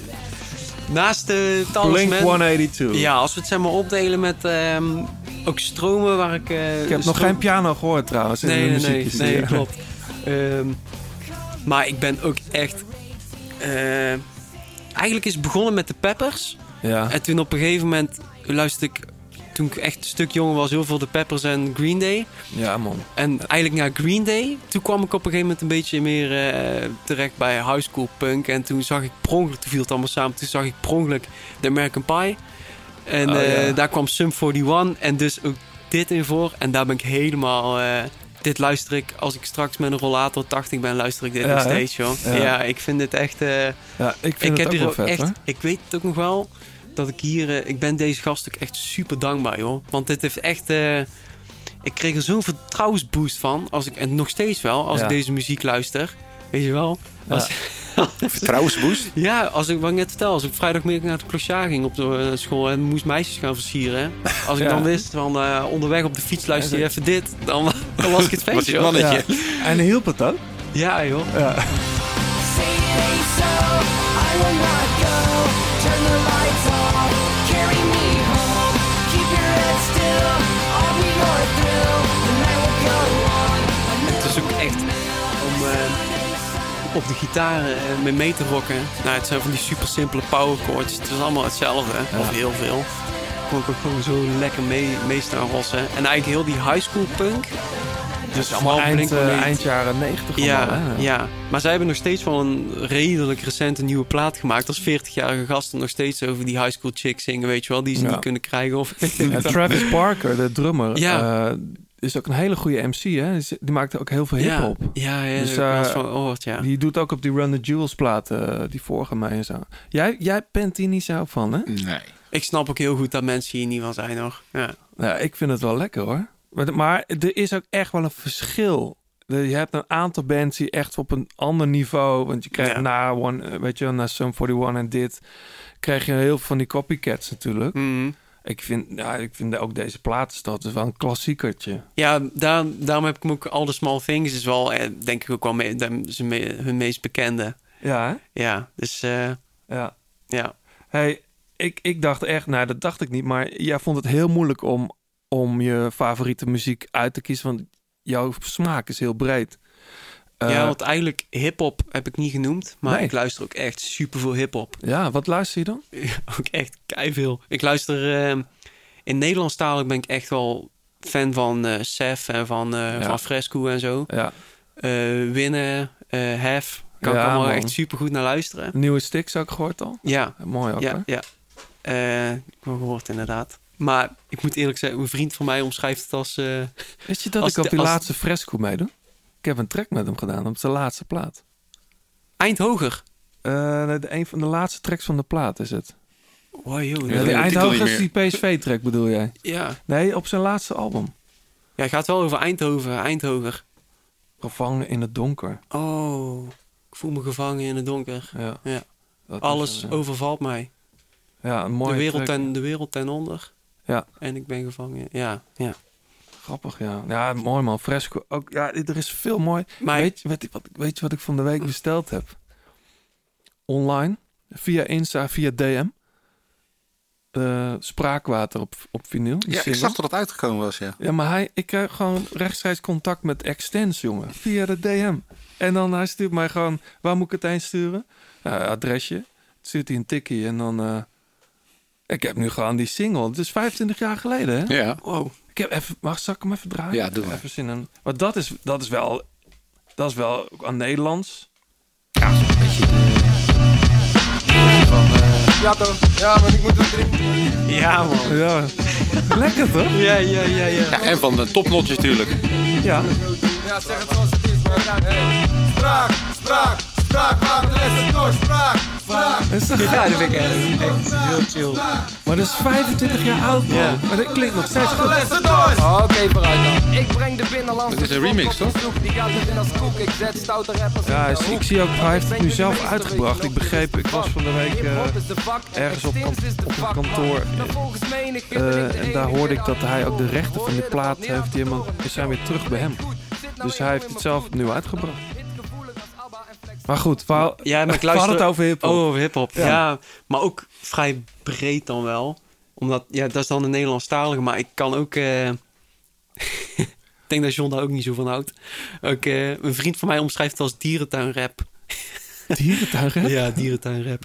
Dus Migos bijvoorbeeld en zo, Oh, weet je wel, ja. die gast. Omdat je dan na elke zin hoor je dierentuingeluiden. Skrrt, skrrt, hey, of Ja, eh, ja, ja. skrrt, Ja, weet je ja, wel, ja, die ja. shit. Maar meer trap, trap-achtige Ja, ja, dat vind ik ook wel echt, eh, kan, vind ik ook wel heel relaxed. Maar bijvoorbeeld Kendrick, eh, Kendrick Lamar. en- Kendrick is de koning.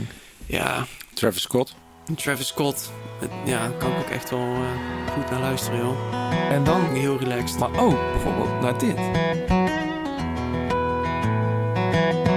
Ik kon alleen een live versie vinden. Ja. klopt het? De grote plaat kopgroep. I don't think I'm gonna go to LA anymore.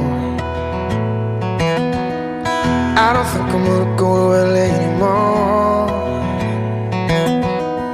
I don't know what it's like to land and not race through your door. John Mayer, man. Ja. Ja. Luister je dat veel? Heel veel geluisterd. Ja? Ik ben niet fan van alles van, eh, van John Mayer. Maar eh, dit album... eh, hoe is dat? Born... Nee, ik weet even niet hoe dit heet. Dit album. Ja, dit is, dit is Ja, een dit is live, van Where the, staat- Where the Light is. Ja, Where the Light is, ja. Ehm dat vind ik wel echt... heb ik helemaal grijs gedraaid. Maar ik was bij dit nummer... Dit is ook helemaal niet bekend of zo. Nee. Maar dit is, ja, dus bij een paar nummers... Ja, die slaan gewoon eh, op een bepaalde manier... letterlijk en figuurlijk Ja. een, eh, een snaar aan die heel erg raakt. En dit gitaarspel ook. Het is een hele rare stemming, volgens mij. Ja, ik hoor het, ja. En ehm, hij doet ook iets. ehm, ehm, je hebt volgens mij op de twaalfde fret van de gitaar en op de vijfde heb je dat je de snaar, ik ben even de naam kwijt, maar zo'n pull-off kan doen. En dan Ja. krijg je zo'n hoog piepje. Ja. Dat is wat je hoort in het eerste. ja. Ja. En dan was ik eigenlijk gelijk, daar viel me gelijk op. En toen ben ik gelijk, gelijk op gaan zoeken. En toen heb ik ook ervoor gezorgd dat ik deze op gitaar en piano allebei kan spelen. En eh, ja, daar was ik heel erg van, eh, heel erg van eh, onder de indruk. Dus ja. Wel grappig trouwens, want de meeste mensen weten van jou dat je piano speelt. Eh, net ook even zitten pielen op de piano. Maar je neemt alleen maar gitaarmuziek mee. Ja, ja, ja, ja, klopt. Ja, maar, piano vind ik vooral... eh, Het is ook een snaarinstrument. Ja, maar is ook een snaarinstrument. Ja, zeker. Piano, ja, ja, goede vraag eigenlijk, joh. Ja, ik heb denk het meeste... Ik vind ook al sommige pianomuziek mooi, maar ja, het komt toch als je me voor de keuze stelt, Ja. komt het toch minder naar voren. Ja. Ja. Speelt, mu- muziek speelt be- best wel een belangrijke rol, toch, in je leven, merk ik. Je, je shazamt, je luistert, je checkt dingen. Je een hele brede smaak. Ja, ik weet niet echt. eh, ik zou zelf, als je mij zelf vraagt van wat voor een rol speelt muziek, zou ik zeggen, ja, echt super, super grote rol in mijn leven. Maar ja, dat is ook allemaal maar relatief. Als ik, je- als ik jou dan, of, of John ernaar vraag, dan is, is dat misschien nog maar eh, een heel klein deel van. Ja, eh, maar ik- kijk, er, er bestaan mensen, ja, serieus, en die zitten niet bij onze luisteraars. Maar er zijn mensen die nauwelijks muziek luisteren. Ja. Ik kwam vroeger wel eens bij vriendjes thuis spelen en dan, dan zag ik eh, twee cd's liggen. Ja. En dan zei ik van, oh, maar waar is de rest dan? En, want mijn ouders hadden heel veel LP's en CD's en stonden overal instrumenten. Het was net een studio soms. En je kunt je niet voorstellen dat er echt mensen bestaan ja, waar muziek geen rol speelt. Nee. Totaal niet. Nee, dat is wel maar. gek inderdaad, ja. ja. ik heb bijvoorbeeld... ehm, ik heb bijvoorbeeld wel eens gehad dat ik met een paar maten in, eh, eh, in Schotland was. Toen zaten we de week ook in Starbucks. Eh, we zaten een bakje te doen. Mhm. En toen, ehm, toen kwam de talisman zo heel vaag door de speakers. Met ook een nummer. Timothy heet dat nummer. Dat is helemaal niet bekend van. Dat is eigenlijk een beetje hetzelfde als, eh als Eeuw Atmosphere van John Mayer. Ja. Helemaal geen bekend nummer van. Maar wel wat ik specifiek echt wel een, een heel mooi nummer vind.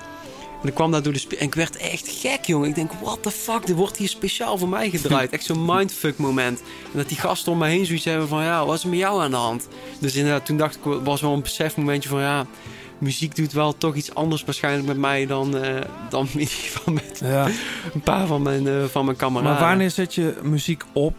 Is het als je 's ochtends opstaat, zet je dan meteen muziek aan? Eh, Zet, heb je tijdens trainen op bijvoorbeeld? Ja, altijd. Oh ja? Ja, altijd. Maar geen Tallest Man, denk ik. Jawel. Echt? Ja, ja, ja. En dan lekker wegdromen. Heerlijk. Ik zou niet meer vooruit komen als ik dat... Wel, ja, maar ik hoef ook niet altijd Nee, is heel hard te fietsen. Ja.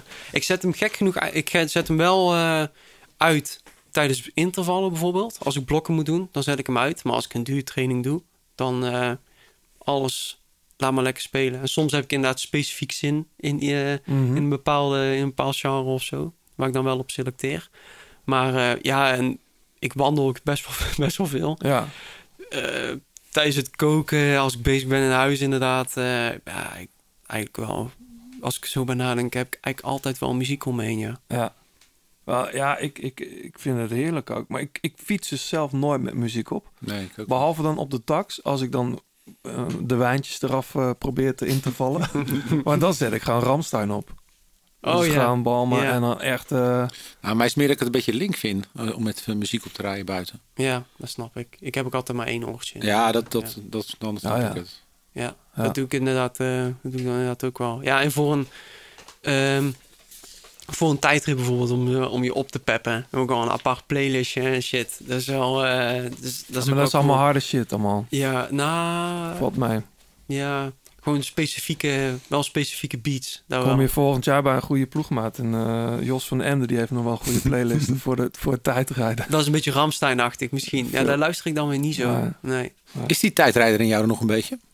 Ja, die is er wel, denk ik. Ja. Want bij die, die jongere categorie voor- vooral was je echt, echt een hele goede tijdrijder. Ja, hè? ja, ja, maar er is wel veranderd in de zin van er is er zoveel gebeurd op aerodynamica. Ik ben zelf ook qua postuur misschien wel iets veranderd, omdat je dan bij de junioren heb je nog, ja, ehm, zeker in, tijdens de vlakke ritten, eh, nog geen enorm, ja, heb je ook wel weer wel, maar ehm, enorme boomstammen. Het is allemaal eh, specifieker wel geworden richting de profs, denk Ja. ik. Ja, En, nee. nou, nu met die operatie die ik ook heb gehad, is die, ja, moet op de tijdrit was eigenlijk het eerste wat ik, een van de moeilijkste dingen die, die nog uit te voeren was met de blessure die ik had. Omdat die heuphoek dan best wel klein wordt. Dus eh, zo, is wel even een, een eh, changement. eh. Zie je, ja, ik, zit, ik luister aandachtig Ja. hoor. Dus het is Het niet ging dat ik- ook over Ramstein. Ja. ja, ja, ja, ja. Nee, maar ik geloof wel dat ik... eh tijdreis ook heel veel wel mentaal, denk ik. Voor een heel groot deel. Natuurlijk moet je het vermogen ook kunnen leveren in een goede positie. Maar ja, ik hou, blijf er toch wel vertrouwen in houden. Als het een beetje een schappelijk parcours is. Je luistert nog steeds naar De Grote Plaat. Heb je tips of heb je een vraag? Laat het dan weten via Twitter, het Grote Plaat of Instagram. En laat een reactie en een beoordeling achter op Apple Podcast. Hey Sam, ehm, wij ontvangen altijd heel veel renners en rensters. Eh, wat, wat we merken ook bij luisteraars, mensen vragen zich altijd af, hoe ziet zo'n dag van een profrenner er nou uit? Dat is Mm. voor jou heel normaal, maar voor de meeste mensen helemaal niet. Ja. Hoe, hoe ziet jouw gemiddelde dag eruit? Gemiddeld. Oeh. hoe laat Ehm, sta je op? Ook heel wissel, ook heel, nee, dat is eigenlijk niet wisselend. Meestal eh, half acht, zoiets. Ja. Ja. En dan? Dan ga ik, ehm, nou in ieder geval nu in de bijvoorbeeld november, december maanden, die zijn, moet ik wel zeggen, zijn echt heel erg rustig. Mhm. Dus die zijn echt niet, eh, niet heel speciaal. Dus dan ehm, half acht op, zoiets. Soms eerder, soms ietsje later. Dan ga ik echt goed ontbijten. Wat is echt goed? Dan maak Ik krijg er bijna trek van. Hoe je ja, eh, dan maak ik mijn eh, ja, dan maak ik eh, pannenkoeken meestal voor mezelf. Zo, of ja, één hele flinke pannenkoek. Ja. Ehm, en dan eh, meestal vertrekken voor training tussen half tien en tien. Nou, en nu eh, plan ik mijn routes eigenlijk ook wel zo dat er of een tussenstop bij een bekende in zit. Mhm. eh, of eh, een takeaway koffie op een, goede, op een goede plek. Ik kom meestal rond een uur of twee terug thuis of zo. Twee, drie. Eh, lunchen, douchen.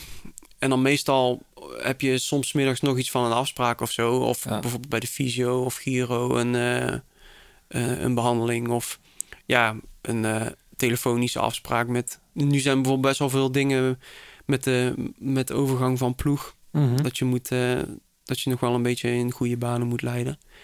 Ehm, maar er is ook wel eens inderdaad dat er 's middags dan vervolgens niet zo heel veel meer te doen is. Ehm, op, eh, in periodes als deze. Ehm, dus eh, dan ga ik meestal gewoon ja, dingen doen die de- ja, huishoudelijke eh, dingen en zo, Ja. weet je wel. Dus eh, boodschappen, koken, langs familie. Eh, Ja. ja, en de- weet je, er komt Het is, eigenlijk niet, het is niet als jij getraind hebt dat je daar geen energie meer voor hebt of zo. Het is niet dat je na Dat een zware ja, training gewoon ik- op de bank moet met, en dan een Netflix aanzetten. Ja, dat verschilt dus heel erg per periode. Want in november, december, dan valt, zeker nu, dan valt dat wel mee. Hmm. Ja, dan ben je wel moe, maar dan, dan ben ik meestal nog wel bezig met van alles en nog wat in de, in, gewoon na het trainen gelijk. Precies. Maar er zijn ook periodes, bijvoorbeeld afgelopen jaar, afgelopen seizoen in de korte tijd dat je thuis bent en je echt nog wel hard traint, ja, dan moet je eigenlijk smiddags niks meer doen. Maar als je dan vier, vijf uur echt, echt geramd hebt of zo, of zware interval hebt gedaan of een hele lange duurtraining, Ja, als je een heel lange duurtraining hebt gehad bijvoorbeeld... dan blijft er ook van de dag niet zo heel veel meer over. Maar dan, eh, dan moet je ook echt rusten om de volgende dag gewoon weer helemaal, eh, helemaal fit te zijn. Dus dan doe, ik, eh, dan doe ik niet zo heel veel meer. Maar, en, maar dan, dan knal je op de bank en dan... wat, wat doe je dan? Ga je dan... Lees je dan? Of zet je dan een plaat op? Of wat? Ja, zoiets inderdaad. Ja. Ja. Of, ehm, eh, nou, waar ik heel relaxed van word, is 24 Kitchen kijken. Oh ja? ja, maar inderdaad ook gewoon Heb platen. je een favoriet programma? Ehm, Ik weet niet wie er allemaal zitten tegenwoordig als koks, maar... eh, Oh ja, best wel veel. Rudolf is terug. Rudolf is terug, Ja. maar die doet alleen maar taartjes en zo. Ja, dat is wel ik- jammer, want Rudolf was wel heel chill met, eh, met ook gewoon de makkelijke maaltijd en zo. Oh ja. Ja, die heeft wel iets aangewakkerd met, eh met kookfanatisme ook wel. Oh ja? Ja, ja dat is, wel, dat is wel leuk. Dat zit bij ons ook in die familie. Ja. Dus eh, daar komt het ook wel vandaan. Maar, jij kookt zelf dus ook best wel veel. Ja, ik altijd wel. Ja. Ja. ja. ik doe ook wel eens een thuisbezorgje hoor. Maar, Tuurlijk. Ja. Ja. Maar Wat is jouw... Als jij visite krijgt en je wil echt iemand imponeren, wat kook je dan? ja, dan wil ik eigenlijk ervoor zorgen dat ik de, de kreeftsoep van ons pap thuis heb in de vriezer. Ah, ja. Daar weet ik eigenlijk dat ze... Maar dat hey, is- die heb je zelf niet gekookt. Nee, die heb ik dan zelf niet gekookt. Maar die wil ik dan wel voorschotelen voor, Oh, de- ja. voor, eh, voor die mensen. Ehm, nee, meestal... ehm, ja, ik vind het altijd mooi om gerechten te maken die, die lang hebben gestaan of zo. Dus waar gewoon Veel heel veel tijd in waar zit. veel tijd in zit. Dat je er 's ochtends al aan bent begonnen. Maar Indische, Dat de hele dag- Indische rijsttafel. Nee, nee, meer dat het Ja. gewoon de hele dag eh, inderdaad aan het, eh, aan het trekken is. Ja. Dus eh, een, eh een stroganoff of Ja. een eh, eh, risotto is dan niet, staat niet heel de dag, maar dan ben je ook wel, er zit ook tijd en Ja, nee, maar in. daarom noem ik ook, in, ik bedoel, Indische rijsttafel. Ik, ik kom uit een Indische familie. Daar waren de tantes, als de zondag een, een familieding was, waren die tantes eh, twee weken daarvoor al begonnen. Echt waar? Ja, Shit. echt. Ja. Met alles voorbereiden. Ja, en ik geloof dus dat je daar echt ook kan proeven. Ik, eh, ik, Dat er liefde in zit. Ja, dat, dat- ik geloof echt, dat, dat kun je echt proeven. Dat voel, voel ik ook Ik, vaak ik als ik denk het ook proef. hoor. Ja. Weet je, het grappige is, het schiet me ineens te binnen. eh, Boli- in Bolivia zijn er eh, nauwelijks fastfood eh, restaurants. Volgens mij zit McDonald's daar ook niet. Je hebt het wel geprobeerd, maar het lukt ze niet. Omdat Bolivianen, die eten alleen maar dingen waar heel veel tijd in gestoken is. Dus als ze een gerecht eten, dan is daar gewoon uren aan gewerkt. Dus zij geloven helemaal niet dat je lekker kan eten... Waar je, als je iets bestelt en je hebt binnen twee minuten heb je het op tafel. Dat is niet Dat wordt mijn off-season de destination voor Bolivia. ja. Ja. dat schijnt heel mooi te zijn. Ik ben, eh, ik ben er nog niet geweest. Nog een maar- hoogtestage eraan vastplannen. Kan prima daar, toch? Ja, Dat is voor mij ja. 3500 meter. Ja. Oh, Ja, dat, dat, klinkt wel super cool, man. Ja, toch? Ja. Bolivia. Ja, het lijkt me ook wel vet, hoor. Wist dat Quito? Is dat Ecuador? Dan vraag het aan Carapaz. toch? Ja. ja. In and out. Do you even care? Just until you call my name. Do you want me to be playing? Guess I'll see you there. De grote plaat kopgroep. I did not decide anything about you. You want me to complain? Sit it out and touch the same. Will you me there?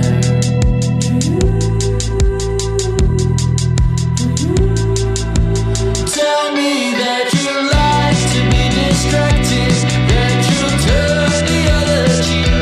Don't you mind to be dissected? Don't you do, don't you do when you see the wonder? Dit, ehm, dit is, ik ook iets zachter, want dit zijn The Vices. Ehm, ken je het, John? Nee. Eh, het is, als je goed luistert, het zijn een soort neefjes van de Strokes, zou je bijna zeggen. Er komt straks ook een fantastische gitaarsolo die zo op een eh, Strokes plaat kan. Ehm, de jongens zijn eh, volgens mij 2019 eh, begonnen. Komen voort uit een ander bandje. Ehm, hebben best wel al behoorlijk aan de weg getimmerd. Speelden op, op Eurosonic al een keer. Of ja, volgens mij het Noorderslag. Popronde. Hebben voorprogramma's gedaan voor Indian Asking. Ook van Feeder bijvoorbeeld. En van, eh, hoe heet die gast ook weer? eh Youngblood. Eh, ze zitten bij een Matan Records. Ken je dat? Rotterdams. eh, Rotterdam. Oh ja, tuurlijk. Ja. Ehm, deze single vind ik mooier dan de vorige. Ze hebben ook gewacht met uitbrengen vanwege corona, want volgens mij is er een EP klaar. En ik denk dat dit wel een bandje is wat zodra de festivalwijden dus weer open gaan, dat we deze heel veel tegen gaan komen. Wat ik heel tof vind, ik maak de vergelijking met de Strokes en dat bedoel ik niet vervelend. Ik vind het alleen maar heel vet dat eh, dat zij die sound hebben. Maar zijn zang is net iets soulvoller.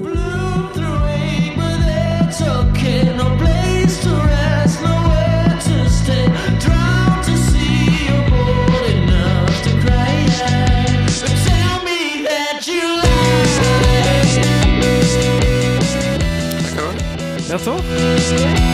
Volgens mij worden ze ook eh, door een aantal radiozenders in Nederland eh, gesupport. Dat is altijd belangrijk, zeker voor dit soort muziek. Ehm, The Voices heet het.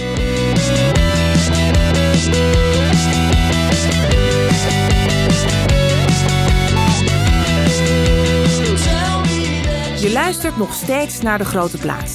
Alle liedjes in deze en vorige afleveringen luister je in zijn geheel terug in de playlist De Grote Plaats Songs op Spotify.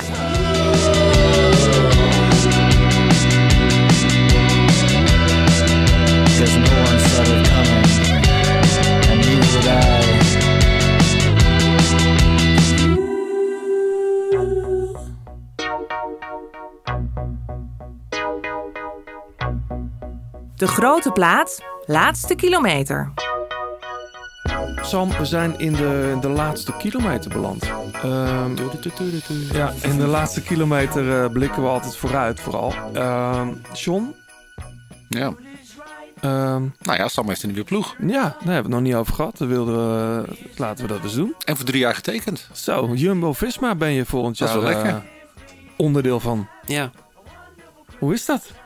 Ja, cool man. Ja, ik ben er hartstikke blij mee. Dus, eh, Ja, wat John zegt, voor drie jaar getekend. Dat is een eh, luxe. Daar wil ik trouwens nog wel aan toevoegen. Ik ben super eh, blij. En in Engels zeg je dan excited. Dat is eigenlijk een beter woord dan zeggen opgewonden. Hè? Maar Ja. ik ben echt wel super blij om drie jaar bij Jumbo te tekenen. Ja. Maar ik merk ook wel, het is niet, het is niet alleen maar leuk. En ik bedoel, ik heb al vijf jaar bij Sunweb gehad. En ehm, waar ik eerst dacht van, oh yes, nieuwe stap.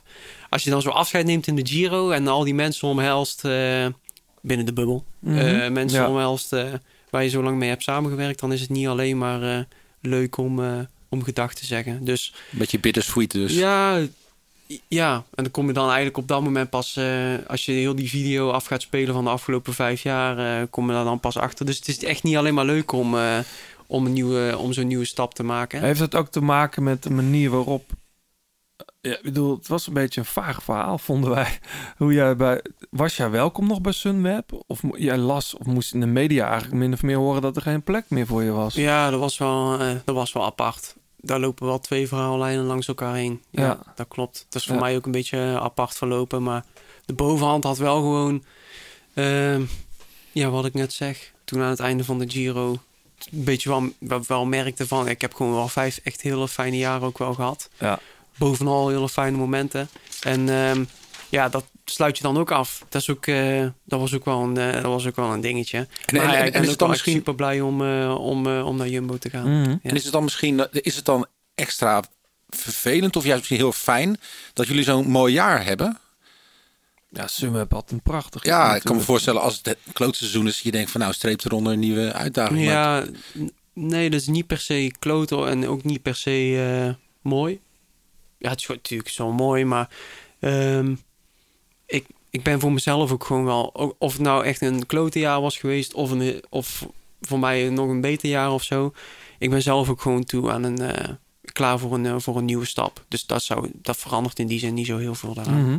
Maar is, zijn er ook andere ploegen nog een overweging geweest? Ja. Ja. ja. Ik ben wel lang in gesprek geweest nog met, eh, met een andere ploeg ook, ja. Welke? Ja, ik zou dat best willen zeggen, maar Nee, om de een of andere niet. reden zou ik dat dan liever toch niet eh doen. Dan liever Van toch wie niet. was er interesse? Maar dat hebben wij toch al gehoord? Hm? Van Michel Cornelissen? Ja, sowieso. Ja, dan- maar ik weet niet of, Michel- verteld, of ze ook echt eh, beetje- Sam ge- eh, gebeld hebben. Maar... Ja, ja Nee, daar ben ik, nog wel, ben ik nog wel best een post mee in gesprek geweest. Maar er is ook nog wel een andere ploeg geweest waar Ja. ik redelijk dichtbij ben geweest. En, eh, Ja. Maar nee, dat zou ik Nee. dan niet zeggen. Dat gaat, moet je naar, niet doen. er gaat Nee. naar Jumbo-Visma. Eh, Marijn Zeeman, die eh, hoorde ik eh, laatst ergens roepen. Ehm, we gaan op Sam niet te veel verwachtingen plakken. We gaan eerst lekker aan het werk samen ontwikkelen, analyses maken van wat er al goed gaat en waar nog verbeterpunten zijn. Maar verder, en dat vind ik wel mooi dat hij dat zegt, verder vind ik het vooral heel erg mooi dat hij erbij is. Het is een hele mooie kerel om mee samen te werken. Hij is echt anders dan anderen en hij geeft heel veel energie. Wauw. Dat, eh, dat, dat, eh, Dat is een groot compliment. En da- dat, hij ziet er ook heel erg naar uit om op die manier met je te gaan werken. Ja. Dat, ja. Wat, ja, wat- ik, ik, heb al, eh, ik werk al best wel ja, intensief. Of, ja, ik heb gewoon best wel veel contact al met hem. Tuurlijk. En ook met hem gesproken natuurlijk afgelopen jaar. Ja.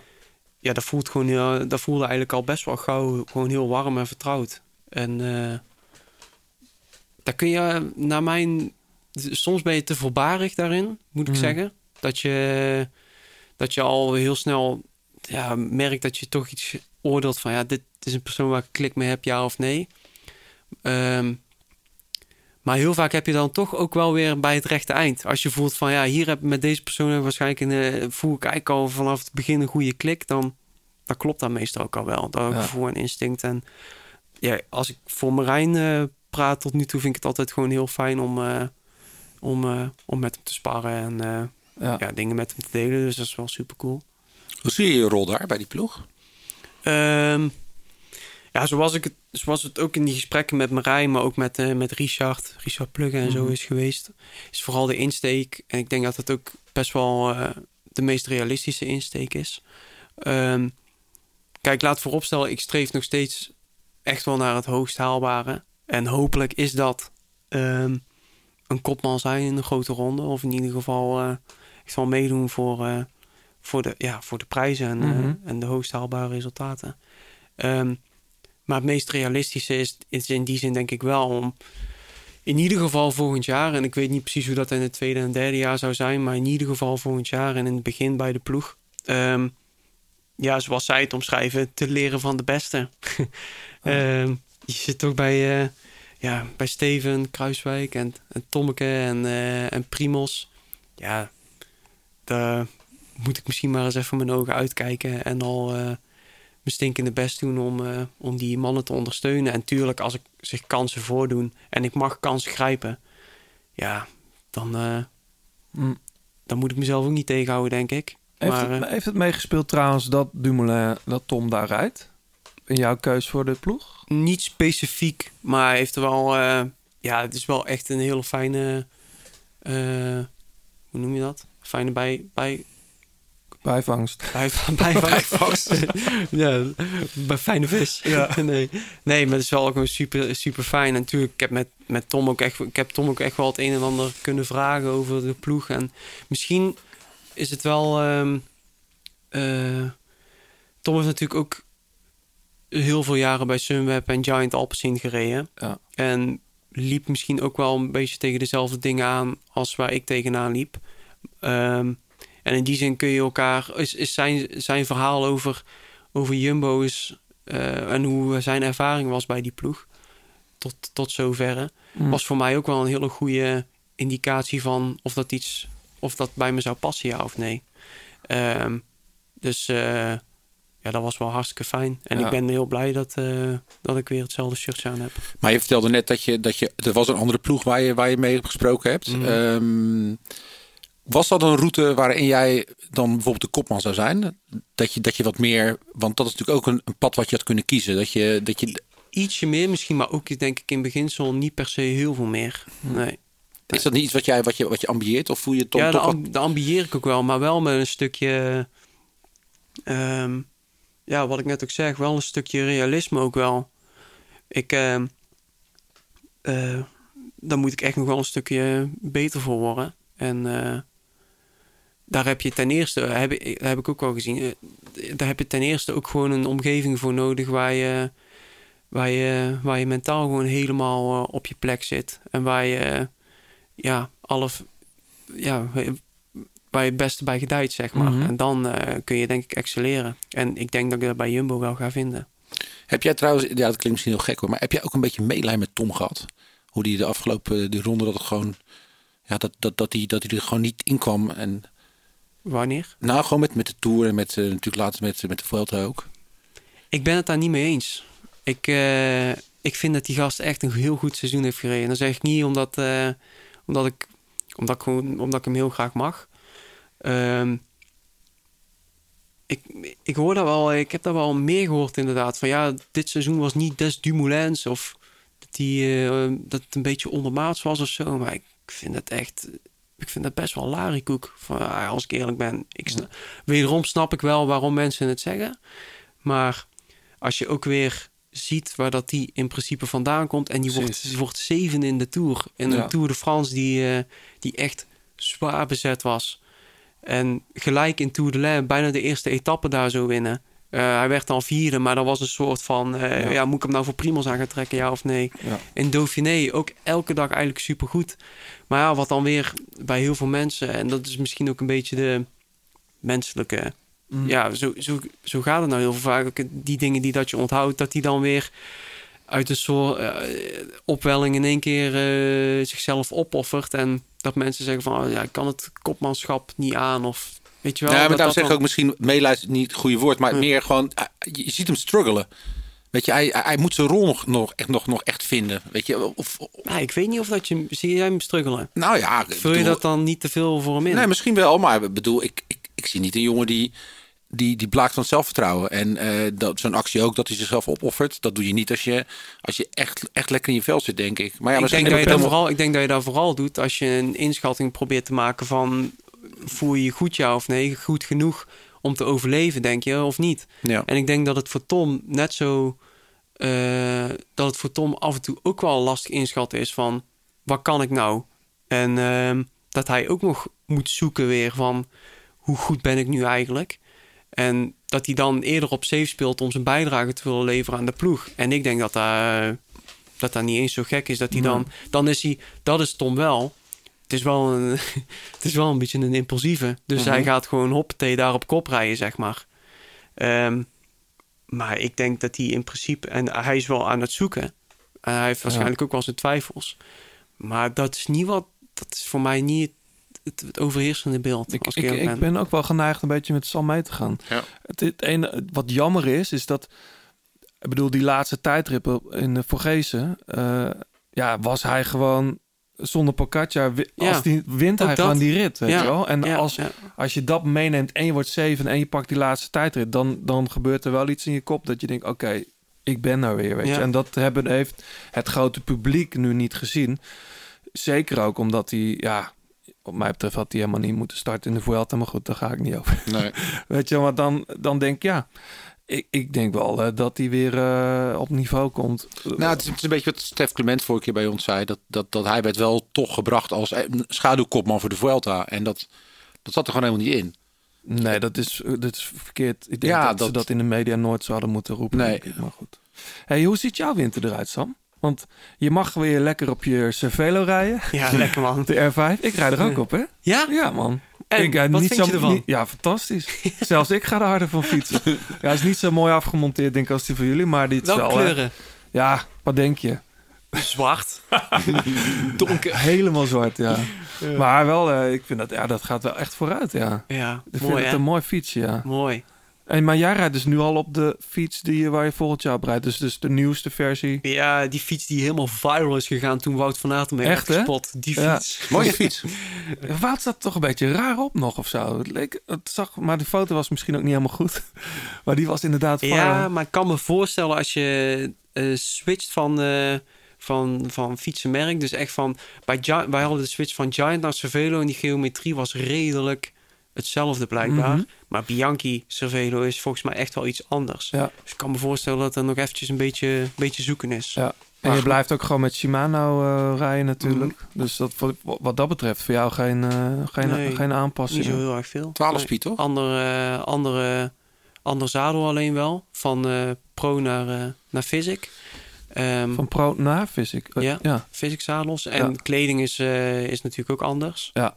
Maar over het algemeen eh, is het allemaal... eh, Wanneer krijg je eigenlijk al je, hele- je hele kit met kleding en zo? ja, ik heb al wel gepast. Dus Oh, ja. dat was een van de activiteiten bijvoorbeeld op Precies. een dag eh, van een wielrenner die dan in de middag nog kwam. Dat wordt toch helemaal op maat gemaakt, of niet? Ja, Ja, ja. wel luxe. Ja, dat is echt Lekker, eh, man. dat is enorm luxe. Ja. Is het ook iets Ja. waar, waar je moraal van krijgt? Van een, van een mooi shirt? Is dat...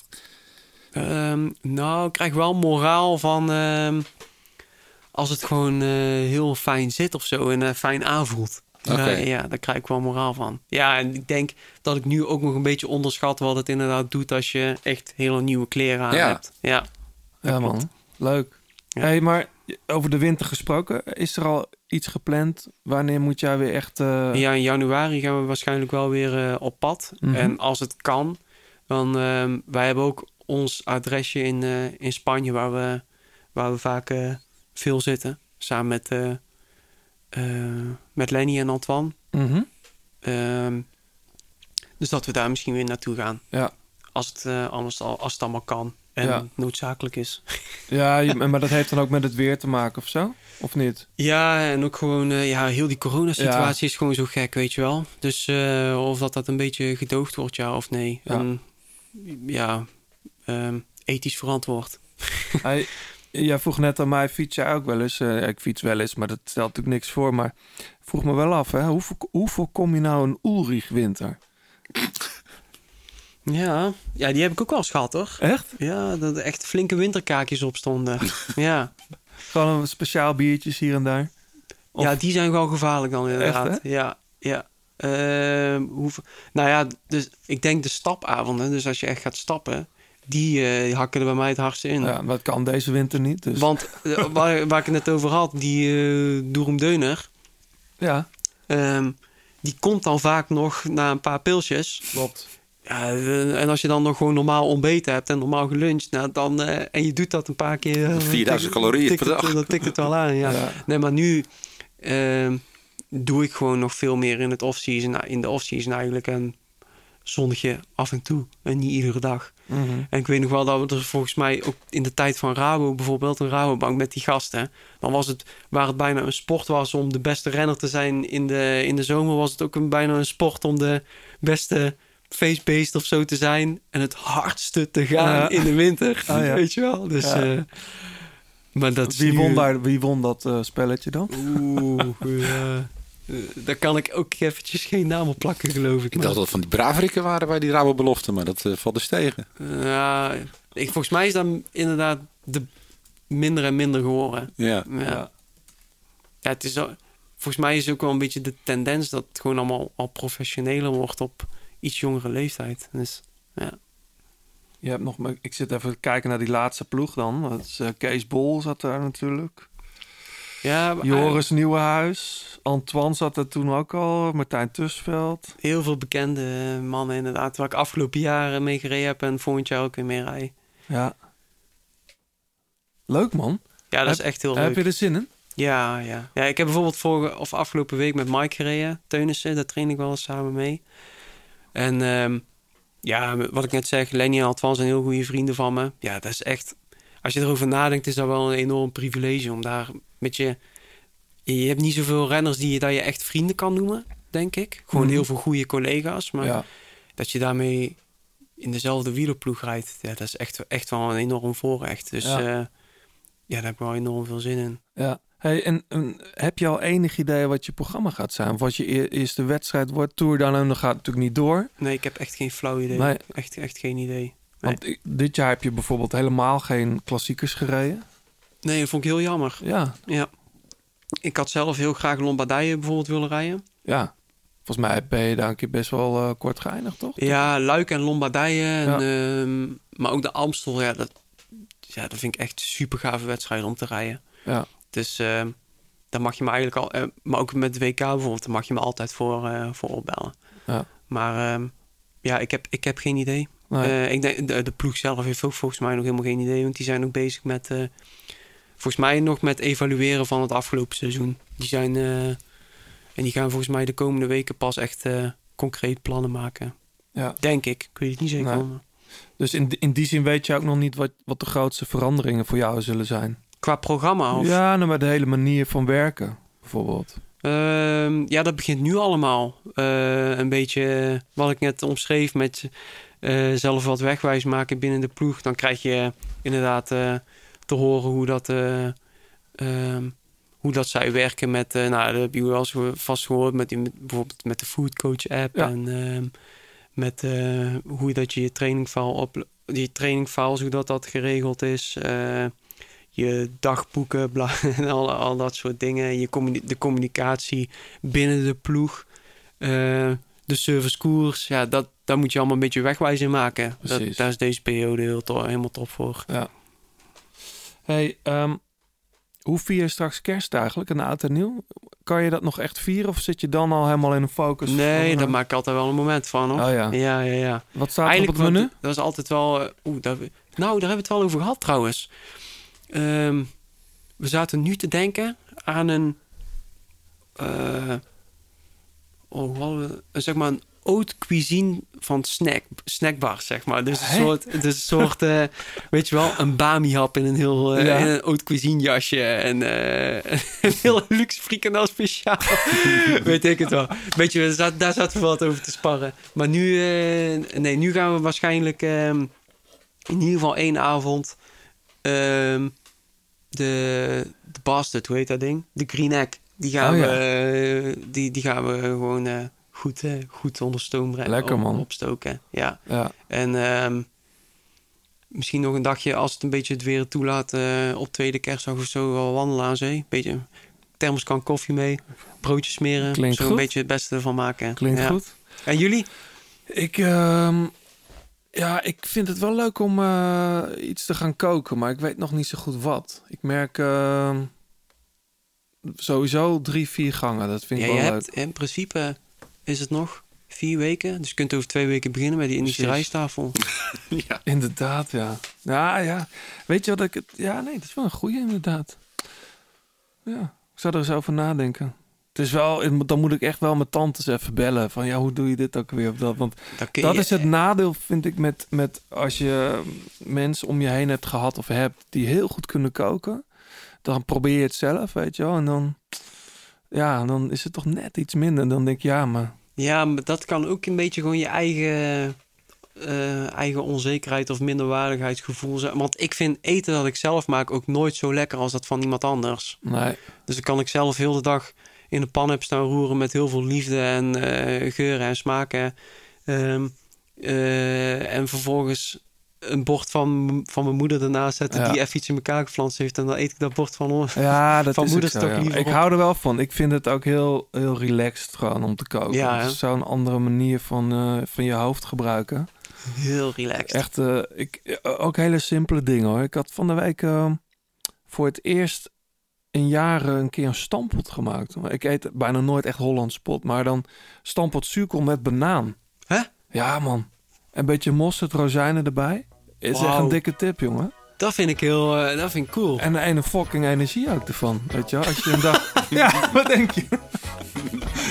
Goed toch? Oh, yo. Zuurkool met banaan. Ja, Hey. is echt heel goed. En rozijnen. En rozijnen, ja. En dan- mosterd. Ja, mosterd doe je dan door de aardappel. op. Wel een Eh, smaakexplosie volgens mij. ja, het is, het is heerlijk. Goed Het glas wijn de erbij. scherpe randjes van de zuurkool er natuurlijk al af. Ja, dat was- ja. ja. maar dat is goed. Ja, en eigenlijk zuurtje- is die een dag later lekkerder. Hè? Even oppakken. Dan heb je een zuurtje, een zoetje, een bittertje. Lekker toch? En ik heb eigenlijk nu het laatste wat helemaal de shit is eigenlijk is, eh, zeg maar, alles, alle smaken die je eigenlijk niet echt kan identificeren. Van, is het nou echt zoet of is het nou echt zout of umami? Umami, ja. Japanse. hè? Umami. De vijfde smaak is het? Ja, Ja, vijfde smaak, zit- hoe noem je dat? Ja, Ja, de vijfde smaak. ja zit hier ergens achter eh, in de tong. Ja. Het is echt... eh, Moet trouwens voor deze aflevering Beetje even, matcha thee. even, zit het ook een ja, beetje in, matcha, soja. eh, Precies. ja. deze aflevering even onze bio aanpassen van de podcast over muziek, wielrennen en, eh, En koken. en eten. En Ja. koken. De grote kookplaat. We hebben nog even een mooi flesje voor je uitgezocht. Wauw. Van, eh, eh, die, met bubbels. Dus die Oh, kun je dus gek, of voor kerst of voor eh oud en nieuw. Mag Dank ook. jullie wel. Helemaal te gek dat je er was. Dank Ehm, je wel dat ik er mocht zijn. De volgende keer, Nice. hè, als je nou hier weer eens bent, dan moeten we een keer iets, echt iets opnemen hè, met piano. Dat is wel vet. Ja, ik zal eens even nadenken over een stukje. Ja, man. Ehm, tot eh, de volgende, denk ik. We gaan nog wat mensen bedanken. Fleur Wallenburg, natuurlijk. Die- Fleur? Ja, Fleur. jij mag Fleur zeggen. Voor het uitlenen van haar stem. Ja, Eh, ik ken Fleur best goed, maar Fleur kent mij niet. Dus ja, oh, dat, maar ik denk dat, dat, van de podcast. Hè. ik denk dat zij jou wel... Zij kent jou wel. Nou, Ja, dat denk ik wel. Misschien na deze podcast. Ja, maar, eh, Fleur, als je luistert... eh, tuurlijk luistert Fleur. Groeten van Sam.